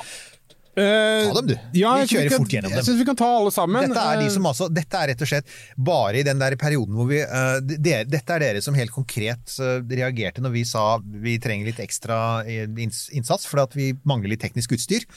Eh, Det er det tekniske utstyret som vi sitter og ser på nå, som gjør at vi kan ha sånne kule sceneskift som Mm. sikkert mange av dere har fått vondt i hodet av, men, men ja. Eh, neste gang skal vi bruke penger på kompetanseheving og kurs. Det er det vi skal gjøre. Det skal vi gjøre. Men, uh, men sånn teknologien først og kompetansen etterpå, det er, Ja. det er, det er som Vostok 1-ferden. Mm. Viktor, Christian Alexander, Atle, Morten Andreas, Ole Henrik, Vibeke, Mats, Unni, Erik Kristoffer, Kjell Ove, Magnus, Carl Fridtjof, Richard, Herman, Rolf, Erik, Vidar, Lasse Steinar, Bjørn Henning, eh, Ronny, Geir Arne, Tor Henrik, Håkon, Lars, Linda Cecilie, Kjetil, Christian, Trond, Anne, Ståle, Yme, Egil, Magnar, Daniel, Vegard, Morten Kristoffer, Njål, Bjørn André, Christer, Jørgen, Werner. Ja, det er en Werner der. Jeg syns det var så bra. Det er deilig. Det er ikke tull engang. Hei, Tom, Werner. Thomas, Arne, Øyvind, André og Ragnar, tusen eh, hjertelig Tusen, takk. tusen hjertelig takk. Men ingen het det samme som noen av de 83 russiske hundene. Nei, det gjorde Det det er faktisk et poeng, men de hadde, de, de hadde jo litt sånn russiske navn. Ja. Uh, og den vi, vi har, uh, har en som heter Ferenc, han er ikke akkurat der, men han er, dukker opp ellers. Så det er vel det nærmeste vi kommer et østeuropeisk navn. Men ja. Mm. Og en liten uh, på tampen kommentar her fra Anne Emilie Larsen. Bruk også litt mindre penger på rørleggersprekk i monitor. Her var i verden en real rørleggersprekk. Den har drevet skal- verden framover. Den, ja, altså, det var det jeg også tenker. Jeg tenker at det er sånn, sånn uh, For det er en lite skjult hemmelighet om romfarten, er at det, det er veldig mye rørleggeri. Det er jo det, faktisk. Det er det jo. It's a lot of plumbing. Ja. Det er jo en av de tingene vi liker litt. Altså det som Og de må bøye seg. Ja, en av de tingene vi liker litt med det som skjer nede i Texas nå, hvor de driver og bygger denne nye romskipet, det er at det er litt sånn, det er litt sånn gamle dager, med at det er mye sånn, sånn eh, ja, tidligere Trump-velgere i hardhats som sveiser, og som driver og trekker opp buksene sine, og litt sånn. Det er ganske sånn jordnært, og, og ganske nedpå. Uh, veldig langt unna renrom og ingeniører, ikke sant, med, ja. Så, Hvilket igjen minner oss om at i likhet med dette utstyret som uh, lytterne deres har vært med på å løfte, spleise fram, eh, romferdene, uansett hvor flotte og høyteknologiske de har vært, så er jo de også drevet fram av et slags fellesløft. det er de jo. Det ligger både skattebetaler og arbeidsinnsats til veldig mange millioner mennesker bak disse show-offene. Det er helt sant, og, og det er klart, der, der kommer du jo tilbake til en, den, kanskje den viktigste forskjellen tross alt da, mellom det amerikanske og det sovjetiske romprogrammet, som alltid var at sovjetiske myndigheter kunne jo bare bestemme seg for å gjøre det, og de behøvde ikke å stå til rette for noen. Mens en av de tingene som går igjen og igjen veldig når man ser på amerikansk romhistorie på 60-tallet, er f.eks. hvor fanatisk redd Kennedy er for å støte folket fra seg, og ikke ha Kongressen med seg. Og det Man glemmer å si det, men altså Gagarin er den direkte årsaken til at han det er vel den 25. mai 1961 så står han i Kongressen og så sier han, holder han den berømte talen hvor han sier at, eh, at vi skal eh, sende et, et menneske til månen og hente han trygt tilbake igjen innen utgangen av dette tiåret. Det som ofte ikke siteres, er de neste setningene, og der sier han det vil bli veldig dyrt, det vil bli veldig vanskelig, det vil kreve store ofre, og jeg må virkelig ha hjelp fra dere i Kongressen for å få dette gjennom. For han var redd for det. Han var så en periode så var han så nervøs for at ikke dette skulle gå, at i september 1963 så står han jo på FNs talerstol og strekker ut en hånd til Khrusjtsjov og sier 'skal vi dra sammen'? Og Khrusjtsjovs sønn har jo gått ut etterpå og sagt at han, faren hans eh, vurderte det helt seriøst. Han, han, de, de tar det opp i møte i sentralkomiteen i kommunistpartiet og sier skal vi rett og slett gjøre det? Skal vi dra til månen sammen i stedet? Det, hvis du tenker, Man kan bare lure på hva det hadde hatt å si tenk hvor viktig det hadde vært! for den kalde krigen. Vi vet jo hva romstasjonen ikke sant? For romstasjonen er et fredsprosjekt. Og som mange påpeker i dag, gjennom hele etter, altså gjennom hele etter eh, murens fall, den, den perioden, og nå er det 30 år Én ting som har vært konstant. Det er mye som har skjedd mellom, mellom USA og Russland, men noe konstant har vært samarbeid i rommet. Det er utrolig viktig for begge land. Og det er derfor mange sier at rom, altså romstasjonen burde jo være borderline fredsprisen. Den har faktisk bidratt til å holde mye fred. Ja, og den, altså vår uh, politiske venn, uh, Kårstein uh, Løvaas, eh, han benyttet vel sin anledning som stortingsrepresentant til å nominere Det var det han gjorde! ISS til nettopp Nobels fredspris. Nå Vi har holdt på så lenge at jeg begynner å glemme våre egne podkaster. med på lista, men, men Ja, han nå ble nominerte vel den nå. to russiske kosmonauter og en kinesisk sendt opp til ISS nå nettopp, gjorde de ikke det? Nei, ikke kinesisk, for at amerikanerne slipper ikke kineserne om bord. Ah. det er derfor kineserne nå bygger sin egen Men to russere. Det er To Ja. russere, det stemmer. Og det er jo samarbeidsprosjekt, og som du sier, tenk hva det kunne ha betydd at vi hadde dratt sammen til månen. Da, ja! Da, ja. Og Ja. Det, som da, det tragiske er selvfølgelig at, at eh, Kennedy blir skutt. Og han som overtar, Lyndon Johnson, han er mye, altså sovjeterne stoler ikke på at han ville gå, gå for dette. Så at det Khrusjtsjovs sønn da sier, er at faren hans kommer liksom tilbake fra møtet og sier Ok, er, det er, dette er it's off the table. Vi kommer ikke til å gjøre dette, fordi vi, vi tror ikke at vi har den samme dialogen med For da hadde de begynt å få god dialog med Kennedy. Etter Cuba-krisen så hadde de faktisk fått litt dialog. Så det var i hvert fall ikke russerne som knarta Kennedy. Nei, nei, det var det ikke. Det var det ikke. Så, Let's not go there. Nei, la oss ikke gå der, for at det er vi, Det er en annen podkast, Kari. Vi kan, Det- det er- ja, det er en annen vi kan, podcast. vi kan sende deg videre. Vi kan sende deg videre faktisk til Bjørn Henning og, og Nei, folkene i Fredrik. Si hei, Fredrik. Fredrik. Ja. Hei, Fredrik. Ja, sorry. Ja. Dårlig på navn. Ja, nei, men du vet hva, da tenker jeg, nå har vi, nå har vi faktisk Nå har vi kompensert. Vi har kompensert for alt. Og så vil jeg si tusen takk for alle dere som har hengt med. Vi håper at dere har hatt det bra, og at eh, dere fikk svar på noen av spørsmålene deres. Og at dere syns at dette her var interessante refleksjoner. Uh, hva tenker du, Nils Johan? Jeg er Enig. Ja. Uh, kvass. Kvass, ja ok, så, så sånn Kviss, kvass. Eh, Kvenskvass. Ja, vi må, hva, hva, hva, heter det igjen når man skåler på, på russisk? Das, Eh, bras, nei. Nazdrovje. Nas, sånn var det. Da må jeg også gjøre det, skjønner du. Da må vi gjøre det samme sånn. Nasdrovje. Alle sammen. Og eh, Juri. Nazdrovje, Juri. Ja. Porekali! Ja, Let's go! Ja, på, ja, skal vi se, Ja. den var der. Nazdrovje. zdrowie. Jeg skal begynne å bare si jury når jeg skåler, jeg. Ja, men ikke sant? Jury. Vi er det. Jury. Ja, det får vi se. Mm. Skal vi takke for oss? Si Takk for oss, takk for oss, takk alle sammen. Takk for all støtte. Takk for at dere møtte opp. Spørsmål alt sammen. Ses på Mars. Vi ses på Mars, og vi ses eh, i en podkast nær dere, og etter hvert også sikkert i en eh, ny livestream. Tudelu! Tudelu.